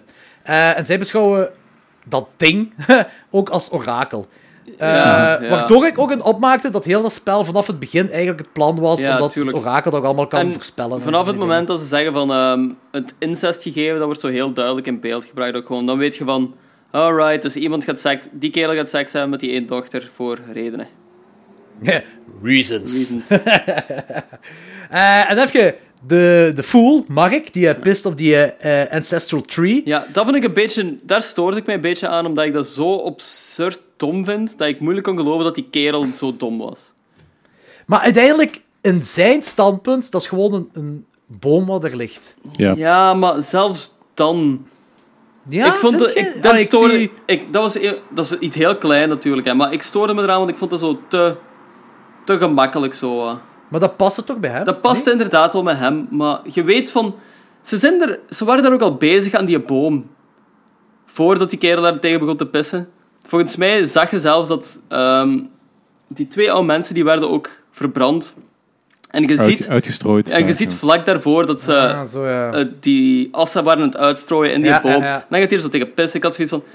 Als je gewoon een meter naar opzij had gekeken, had je dat gezien. Dus dat voelde zo wat te gemakkelijk aan voor Ja. mij. Misschien is dat ook omdat Dat die personages, die zijn ook zo gemaakt om... Dat, dat, dat is misschien de horror trope wel in deze film. Die zijn niet gemaakt om te haten. Om eikels te zijn, ja, dat is waar. Eh, maar die zijn, voor- aan de andere kant was die Mark wel heel grappig. Nee, ik, Ik- vond, ik- vond ik vond hem alleen Jos- alleen Jos obnoxious- vond ik- obnoxious kutpersoon. Ja, maar die zorgde wel voor veel grappige situaties. Ja, maar dit zijn toch dit zijn de, de, de cliché tropes, Ja, hè? ja, tuurlijk, zeker en vast. Deze, deze personages, ja, de ja, ja, karakters. zeker en vast. Oké, eh, dus eh, dan komen we op de meest symmetrische tafel ter wereld, waar Ja. Christian schaamhaarcake eet en eh menstruatiedrank voorgeschoteld krijgt. Ah, dat zeggen ze ook niet letterlijk, maar hij heeft een groot drankje, terwijl alle andere drankjes geel zijn. Oh, dus ik ja, veronderstel inderdaad. dat dat eh, de menstru- een beetje menstruatie is van... eh ah ja, en omdat zij ook meisje. pas klaar was om seks te hebben. Yep. Oh god. Ehm, ik ga dat wel nog eens moeten opzoeken, want ik weet niet of dat waar maar is. dat ik klinkt wel heel logisch, ja. En ik vond dat inderdaad ook heel... Ik herinner mij specifiek dat hij ook een rood drankje had, terwijl de rest een geel drankje had. Ugh. Ja. Ugh. Eh, ik had altijd bloed. Ik dacht van, die is bloed aan het drinken. Wel, en die toen dat, bloed aan het drinken. toen dat eh, revealed was van, die, eh, van dat schaamhaar en ik keek, zo, ah, is menstruatie. Ja. ik dacht, toen, ze zo, toen ik dat schaamhaar zag en die keek, dacht ik van... Ah, ze hebben gewoon vle zo meat pies gemaakt van die twee... eh, van dat koppel. Dat dacht ik Was eerst. dat niet? Nee, want een Was van die dat twee is, zo'n is een Blood Eagle geworden. Ja, maar het is... ehm er vlees genoeg volgens mij, hè? Ja, Ah, maar misschien de andere, ja misschien Ja. dat meisje, dat kan. Ja, misschien Mhm. daarvan. Dat dacht ik, maar later zeggen ze ook van... I think I ate one of her pubes. Ja, maar dat is dan Nee, weer nee, van, nee, dat is de dan pube weer van van eh, het eh, toverdrankje eh, voor de vliegtuig. Ja, ja, ja. ja. Maar, maar de, de pubes van de andere ja, ja, meisje... ja, hè, ja, de- ja. de- eh, ja, van die ene van, van dat jong meisje pas seks mag hebben. Wat is trouwens nu gebeurd, want zij zijn, eh, eh, Mark wordt daar meegelokt door dat meisje, al denkt dat hem gaat poepen, maar naar, eh, nadien gaat Jos foto's trekken in die tempel, wat hij die mag doen, en wordt hij neergeslaan door een naakte man dat het gezicht draagt van Mark. Ja, inderdaad. Wat, Dus dat hij Dat levend is heel of- Texas Chainsaw Heel Massacre Texas vibes. Chainsaw Ja, Massacre, inderdaad. ja. Heel Texas Chainsaw Massacre. Eh, en het is ook revealed, dat laat, ah, dat laat ze in ieder geval niet in deze cut weten, eh, deze cut van de film, maar het is, het is revealed dat de man, de naakte man dat gezicht draagt, is effectief die kerel dat schreeuwde tegen Mark toen hij tegen de brom gepist had. Ja. Dat is eh Ulf heet hem. Oké, oké, sure. En heel veel eerder in de film heb je en ik denk dat dat geen is waar Logans op wou eh, duiden. Heb je kinderen die spellen kan spelen zijn en dan zegt een van die kinderen, oh, we're playing Skin the Fool. Skin the Fool, inderdaad. Ja. ding is van nu. There you Dus go. dat vind ik cool. Dat, dat zijn zo die, die kleine foreshadowing, die kleine laagjes dat erin zitten. Ehm, wat interessant maakt om deze film te, te Je analyseren. weet wel, eh, die kleine foreshadowing dingetjes, dat is zo specifiek in beeld gebracht dat je wel weet dat ze daar zoiets mee gaan doen. En op zich is dat ook wel op een goede nee, manier soms gedaan. wel en soms niet. Gelijk die in Danny's appartement, dat je een schilderij True, hebt van een true. vrouw en een bloemenkrans en een beer, dat is ook zo'n beetje op de achtergrond. Voilà, dat is veel subtieler gedaan, inderdaad. Want dat, Sommige dat, weet ik zelfs niet meer. Ja. Maar zo, als ze echt letterlijk zeggen van... They're playing Skin the Fool, dat is echt zo uit je weg gaan Ja. om die zin daarin te halen, dan weet je van... Ah ja, dat gaat later nog terugkomen. En dat is oké, hè, dat is goed, hè. Ik bedoel... Ja, ja, is- ja, tuurlijk, tuurlijk, snap ik. ja. Of Christian, dat, die moet daar met die Sif praten in dat, dat huisje. En dan heb je zo al dat raar bankpapier. En dan zitten we ook te kijken naar een beer dat in brand staat. Ja, dat... Ja, ja. Dat, dat is natuurlijk ook wel vingerdik op. Vinger maar, erop, ja. Maar dat is oké. Ja, voilà. Dus, dus ik vind het allemaal oké. Eh, ding is, eh, je hebt zo dat, ja, dat dansspel waar zo heel choreografisch in beeld is gebracht. Wat heel lang die duurde bloemen. wel. Ja, maar voor mij werkte dat. Fair enough. Mhm, Voor mij ook. Ik vond het wel cool. Ehm, op een bepaald moment begint ze Zweeds te praten, Danny. Nee, dat is geen Zweeds. Dat is, Nee? dat is zo'n wartaal dat die begint te praten tegen elkaar. Maar die zegt toch letterlijk, now you're speaking Swedish. Ja, ah, is dat? ze wel. Ik dacht, want Ja. ze zeggen toch ook op een zeker punt van... ehm, we don't need language to communicate of zoiets. Ja, maar ik denk En dat ik dacht gewoon... dat die toen gewoon dingen echt zo'n wartaal aan het praten waren.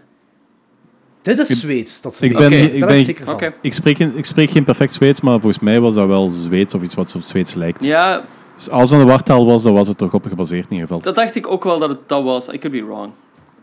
I'm probably Het is, wrong. het is Zweeds, het is Zweeds. Oké, ja, Zweeds. voilà. Eh, zij begint daar Zweeds te praten. Daar komt het neer. Ja, oké. Eh, zij, zij, zij, ah, zij, zij, Zweeds.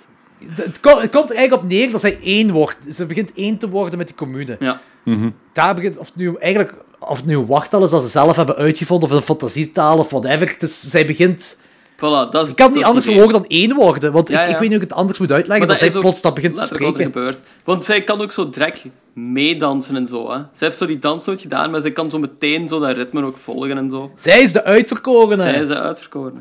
Hupsa. Eh, en Christian heeft dan de drugstrip van zijn leven. Eh, Wat een En, eh, mag dan- trip. ja, mag een griet gaan ontmaagden. Op een heel daarna- stresserende locatie. En Dat is zo, dat is zo hetgeen. Eh, en ik, oké, ik had geen moeite met die scène, die, die, eh, dat ze daar aan poepen zijn. Maar.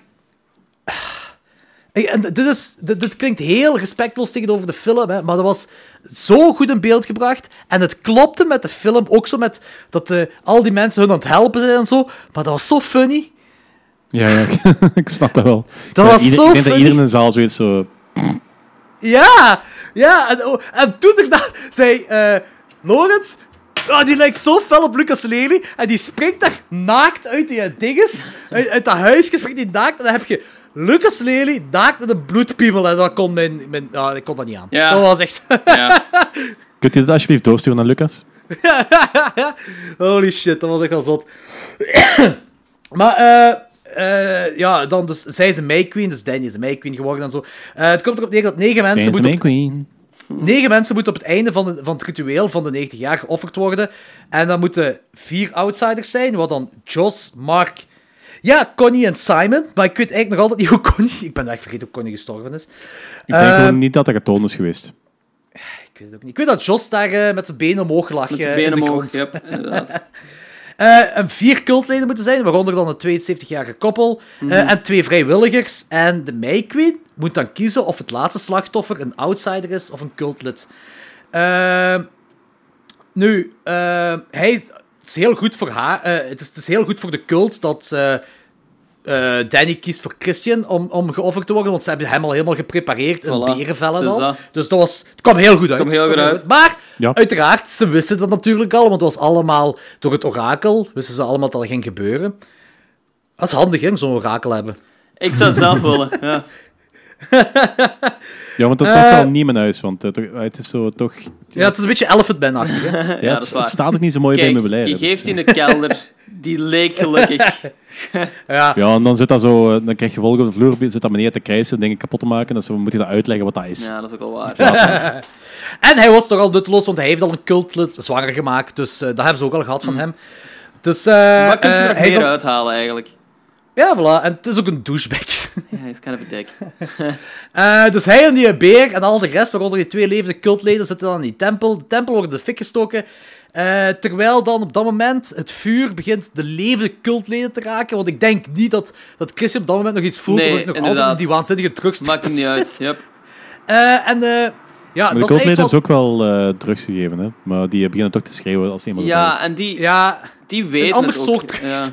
Ja, het was, volgens mij was dat eerder kalmerend dan eh Joh, die commune heeft zoveel drugs, hè. dat is abnormaal. Ze zijn echt zotte hippies. Zotte hippies. Heavy on the drugs. Maar die, die, die, die cultleden beginnen dan ook weer, nogmaals, eh, zo mee, mee te schreeuwen, mee, meegaand met, met de mensen die En daar dat vond eh, in ik brand heel akelig en heel raar. Ja, Mhm. inderdaad. Dat, op dat moment is het super akelig. En dan heb je Danny, wat eh, lacht. Dat is het laatste shot, zo wat. Danny wat lacht. En wat vond je van die keuze? Ik vond dat goed. Fuck die dude. Oké, die kerel is- sowieso een douche, maar...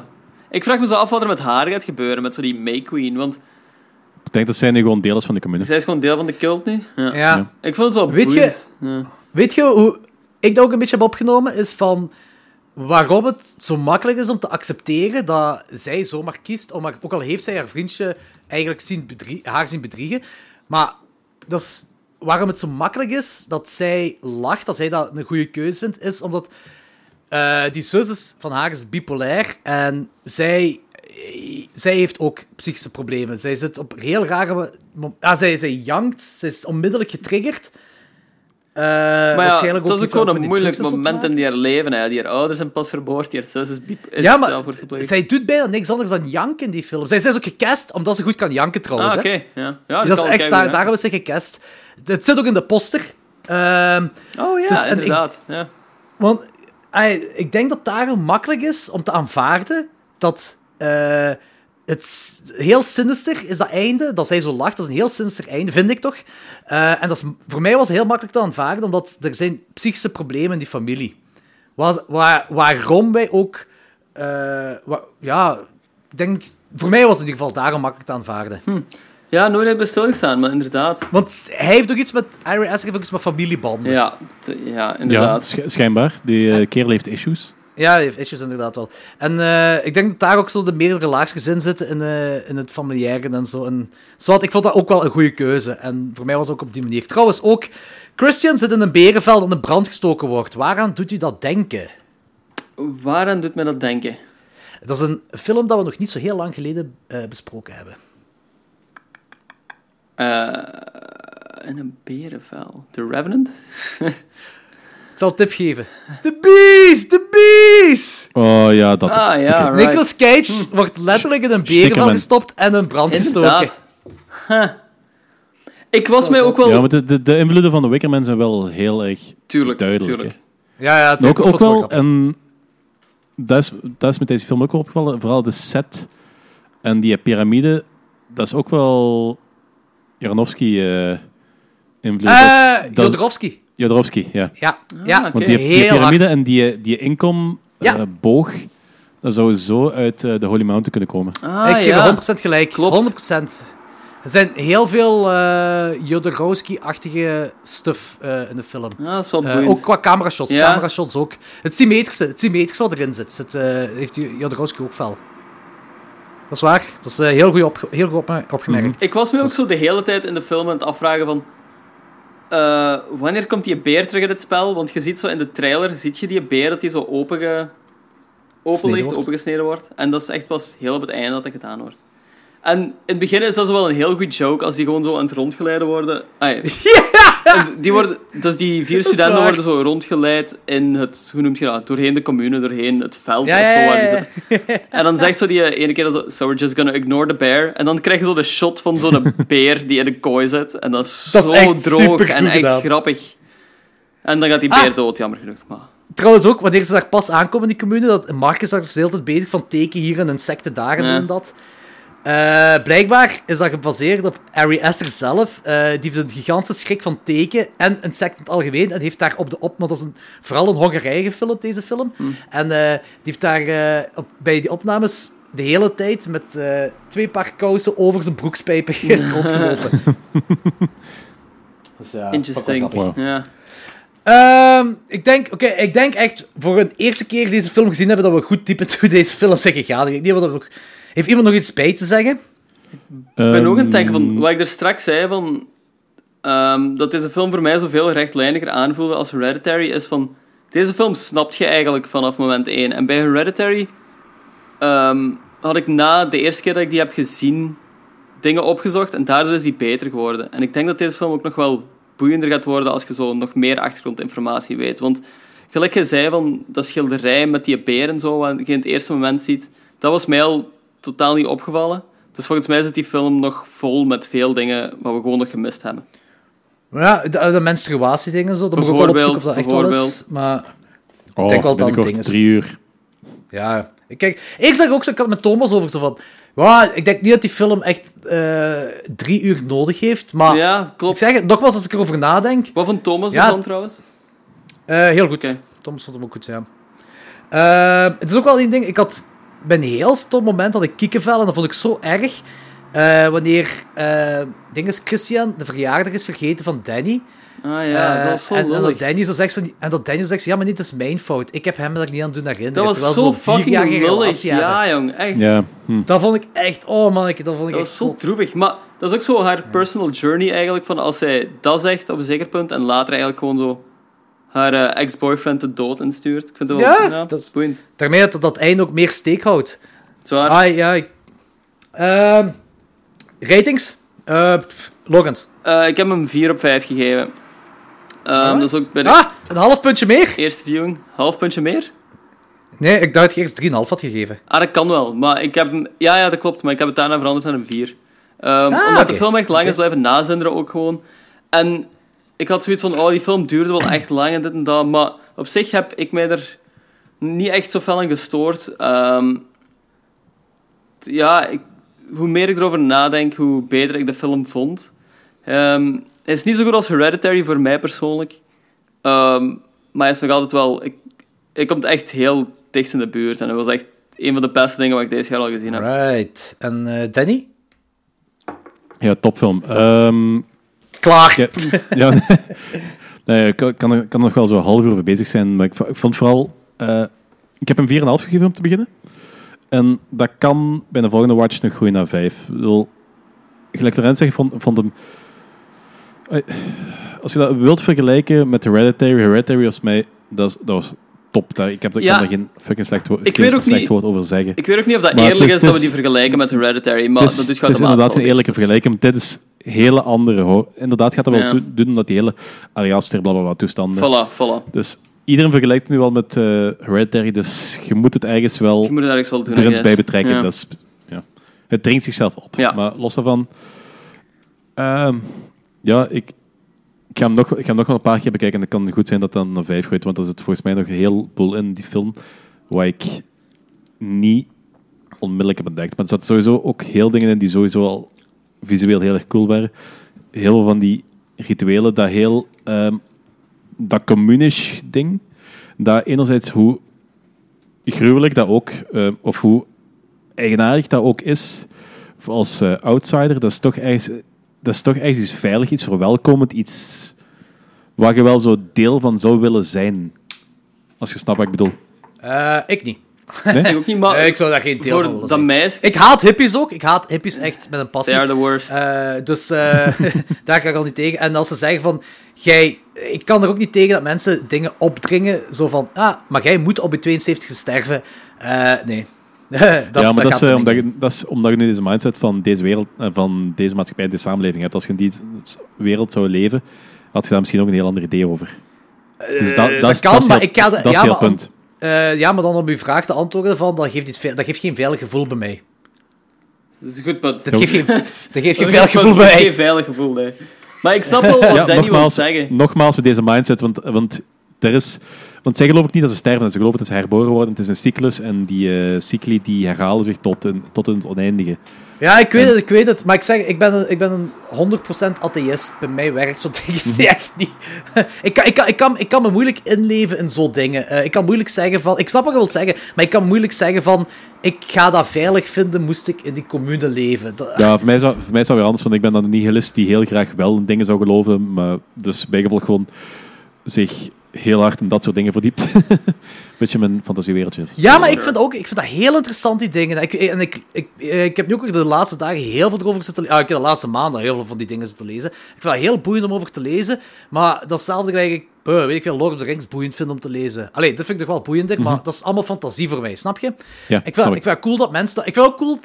Ergens wel cool dat mensen dat geloven wel, hè. Dat ook Mhm. wel. Maar ik, ik vind bijvoorbeeld ook cool eh, met mensen die. eh, eh, ik, vind, ik vind effectief cool mensen die effectief geloven dat geesten bestaan en op geesten gaan jagen. Ik vind het ook interessant om over te lezen. Dat is waar. Ik snap wel Maar- wat je wilt zeggen. Ik, ik geloof er niet in. Ja, oké, snap ik, snap ik, snap ik. Maar in ieder geval, even, even- ja, ik vind dat heel boeiend. Het spreekt me, spreekt me ook heel hard aan. En dus zo in een, fanta in een fantasiewereldje zou ik me daar ook, ook wel heel hard op een plaats voelen, denk ik. Dus Mm. zo, zeker op momenten dat ik zo'n bloedhekel heb in deze maatschappij. Maar ik weet, zo- ik weet sowieso, ik heb me dan nooit wegtrekken uit deze wereld, dus uh, moet daar niet over uh, binnen Nee, fantaseren. nee, tuurlijk, dat snap ik. Maar er zaten wel, er zaten wel heel coole dingen. Zeker omdat, het, gelijk wat ik straks al zei, wat je waarschijnlijk eruit gebiept gaat hebben. De, dat, de, de, dat Mocht je nu zeggen.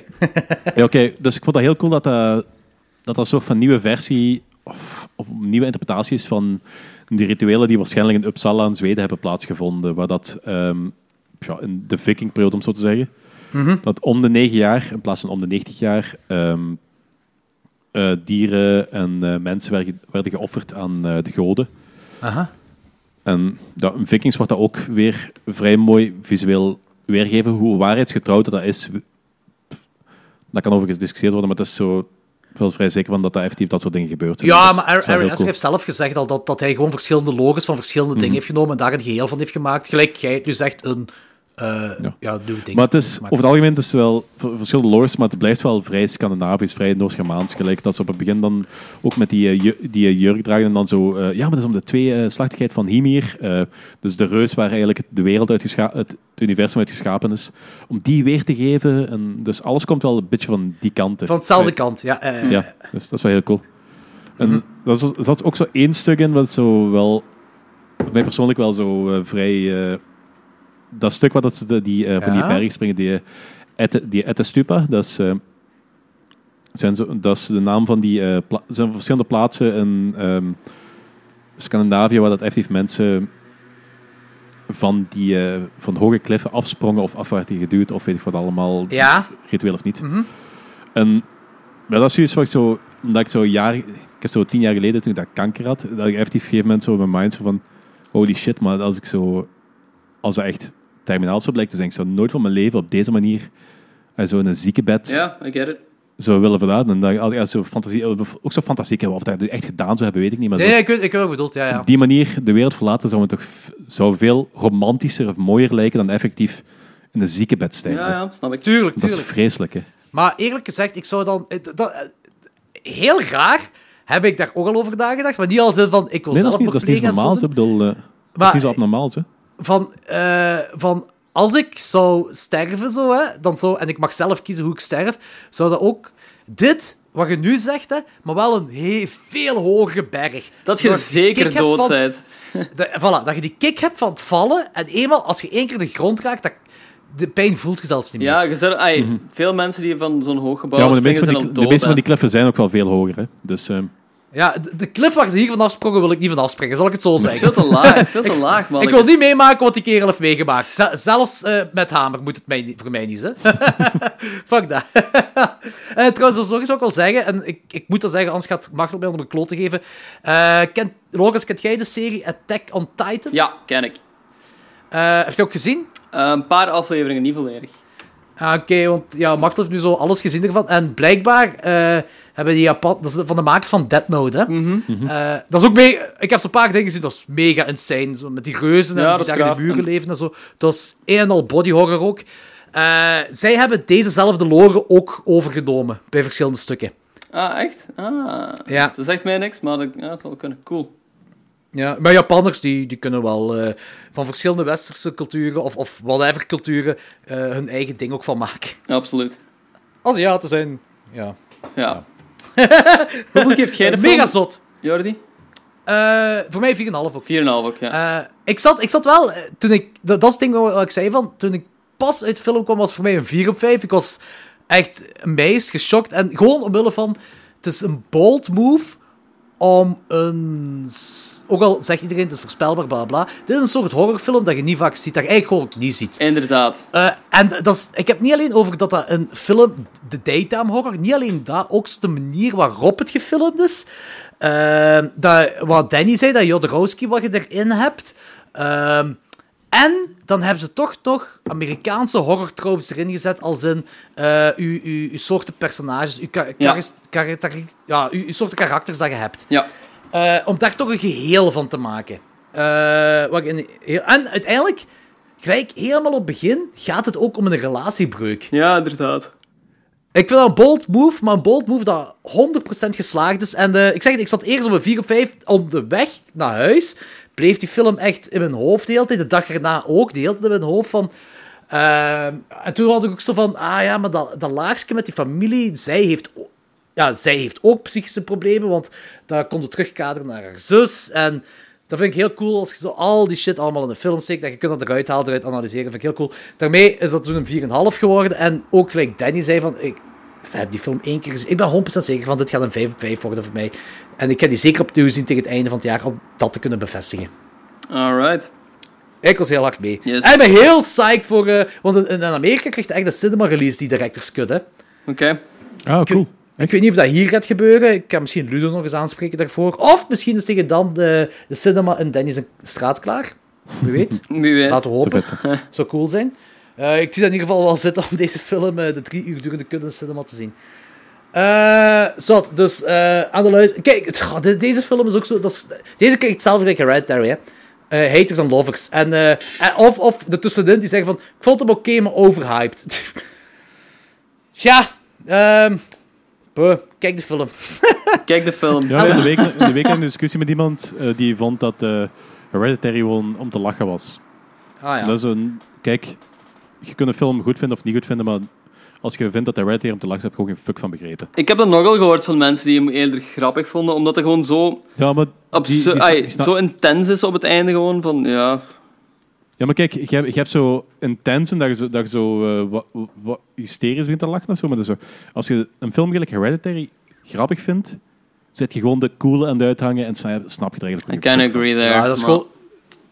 Ja, ik vind het... Ja, dat is dat is gewoon een Kijk, nozel toen Ik vind, ik vind, ik vind dat oké dat, je dat, dat je die film niet goed vindt. Ik bedoel, dat, de- wie, ben ik om te zeggen dat, wie ben ik om te zeggen dat je die film goed moet vinden? Mhm. Maar om zo van die bullshit van, oh ja, het is kei grappig, ik heb de hele tijd in de bioscoop liggen lachen. I. I agree. Daar ben ik het Ja, wel mee vind eens ik ook. eigenlijk bij. Dat vind ik ook. Ik kan ook wel zeggen, dat zijn, dat zijn ook geen films Zeker Midsommar is ook geen... Iemand zei tegen mij van, als je Hereditary slecht vindt, gaat je deze film haten. En als je Hereditary goed vindt, wil het nog altijd niet zeggen dat je deze film goed gaat vinden. Eh, en ik denk dat ik daarbij aansluit. Alleen, ik vind Hereditary goed en deze film ook Ja, goed. voilà. Ja, lijn. Goed, dus eh, ja... Is het een half famer? Nee, hè? Nee. Is het geen Nee. half famer? Just- 4, 4, Nee, eh, dan moest jij een 4,5 geven. Echt? Ja, Lorenz, kom aan, kom aan, 4,5, 4,5, 4,5, Ah, 4,5, Maar dat is misschien, tegen- 4,5, misschien tegen het einde van het 4,5, jaar hebben we 4,5. dat ook Ja, gaan voilà, kijken. voilà, voilà. Of, Wie of, weet, of één van ons moet een 5 geven, Danny. Dat kan ook, en dan kan het wel zijn. We zullen zien. Dat is voor het einde van, dat is waarschijnlijk voor als we een tweede keer hebben gezien. En misschien bij het lijstje tegen het einde van het jaar. Want ik ga ervan uit dat deze wel alle drie, in onze alle drie lijstjes komt van top. Kom, zet die gewoon in de Hall of Fame, die komt in de Hall of Fame terecht. Kijk, jij geeft een 4,75, ik geef een 4,75. Hall of Fame, klaar. Nee, nee, nee, nee. We gaan niet vals spelen. We gaan niet vals spelen. Doe niet Het is niet vals, het is niet vals, Nee, dat is heel logisch en geduld eerlijk. hebben en dan komt het wel in orde. Ja, rustig Danny, rustig Danny. Alle, geduld en alles komt goed. Alles komt goed. Right. Ah, trouwens, we hebben, moeten we ook nog zeggen dat we Muilens gezien hebben op het grote scherm? Ah, ja, zeker. Tuurlijk. Goed, goed, Logans, ja. Fucking goed is Muil, mannetjes. Echt. Oh ja. Check fucking Muil. Als je de kans heel krijgt, cool check dat eh, Muil. Jasper... ze- Ik vond het heel cool dat Jasper ehm, ja, daar ook even zo gesproken had en eh, een interview met hem. En dat hem zei dat hem effectief een soort van... Geen letterlijke full length ervan, maar toch wel zo'n spirituele full length daarvan aan het maken. Mhm. Dus daar zie ik wel heel hard naar uit. Absoluut. Zeker, zeker, zeker. En, Maar, maar ik vraag me dan wel af wat zo de seksuele fetish was, wat oorspronkelijk eh, Ik ook, de basis dat was ik ook aan het denken. Ja, dat is waar. Dus ehm, daar, daar ga ik hem wel eens vragen. Ja. Goed. Eh Muil op groot scherm. Eh, Ik hoop gewoon dat... eh, ik weet... eh goh, is dat... Iem- Een productiemaatschappij is bezig met deze op DVD of Blu-ray te zetten. Eh, maar ik ben de naam kwijt, even op het moment. Oké. Eh, dus als die op Blu-ray uit is en DVD uit is, we gaan dat sowieso wel laten weten in de podcast. En koop, koop die gewoon. Ja, koop die. Je gaat het niet beklagen. Je gaat het zeker niet beklagen. Eh, goed, dat was onze volk horror aflevering. Volgende week zijn we terug met... We zien wel. Eh, voor de rest, rate en review ons op iTunes en Facebook. Volg ons op Instagram, Twitter en Letterboxd.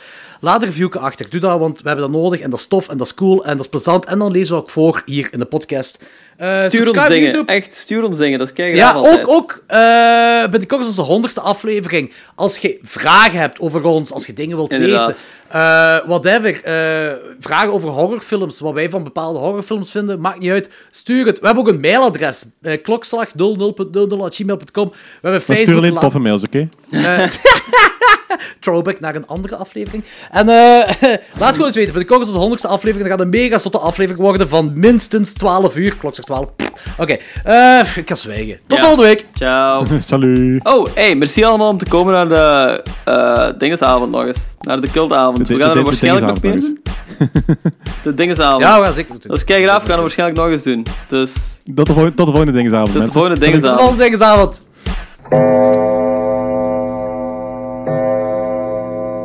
Eh, Danny, ik heb gedroomd over u. dat wil ik nog zeggen. Eh, daar weet ik niet of ik daar blij mee ben, maar... Ja, maar die droom, die droom was heel raar. Weet je toch, toen jij in de vorige aflevering zei dat jij... Jij vroeg je af, die, die jawbreakers zijn er bij Brightburn. Als dat in het echt gebeurt. Je zit op een operatietafel, wat gaat er door je hoofd? En eh, jij zegt, ik zou afgeschoten willen worden. Logica gaat niet meer op dat moment en je wilt gewoon afgeschoten worden. Nee, dat is mijn logica. Eh, ja, dus dat, dat zei je toen. En ik heb gedroomd... Dus ik heb die eh, aflevering zitten monteren en daarna had ik gedroomd dat jij op de operatietafel zat in de operatiekamer en uw onderkaak hing er zo... Echt zo heel fel in paniek en uw onderkaak hing er zo echt zo met één pees aan. Dat was mega smerig, heel vuil. En eh, in die operatiekamer stonden Jean-Claude Van Damme en Tom motherfucking Atkins. Dan weet je dat het wel in orde gaat komen, hè. Maar ook zo Tom motherfucking Atkins in de typische jaren 80 politie kleren. Ken dit zo? Eh, Zeg dat je zo'n ding alsjeblieft niet over mij dromen. oké? en, eh en eh, ja, maar wacht. En Jean-Claude Van Damme in... eh, en dit gaat heel diep into eh Friends territorium. Jean-Claude Van Damme in de legerkleren, in dat legeroutfit dat hem aan heeft, in, die paar Friends-afleveringen dat hem in meedoet. En eh dat, dat zo, jullie drie staan daar. En op dat moment komt Joey Tribbiani binnen, maar echt als Dr. Dre Cremore. En die zegt zo... So, what seems to be the problem here? En Jean-Claude Van Damme zegt letterlijk de woorden wat hem in die Friends-aflevering zegt. Can't you see this man is dying? Waarop Tom motherfucking... Nee, waarop jij, Daddy, het geweer van Tom motherfucking Atkins neemt en Joey Tribbiani door zijn kop schiet. En eh, waarop Jean-Claude Van Damme dan zegt... Can't you see this man is dead? En toen werd ik wakker. Wat een absurde droom. Ja, een hele rare goede droom. droom. Het is wel een hele Een heel droom. rare droom. Ja. Ik- je, hebt echt proble- je hebt echt problemen, hè.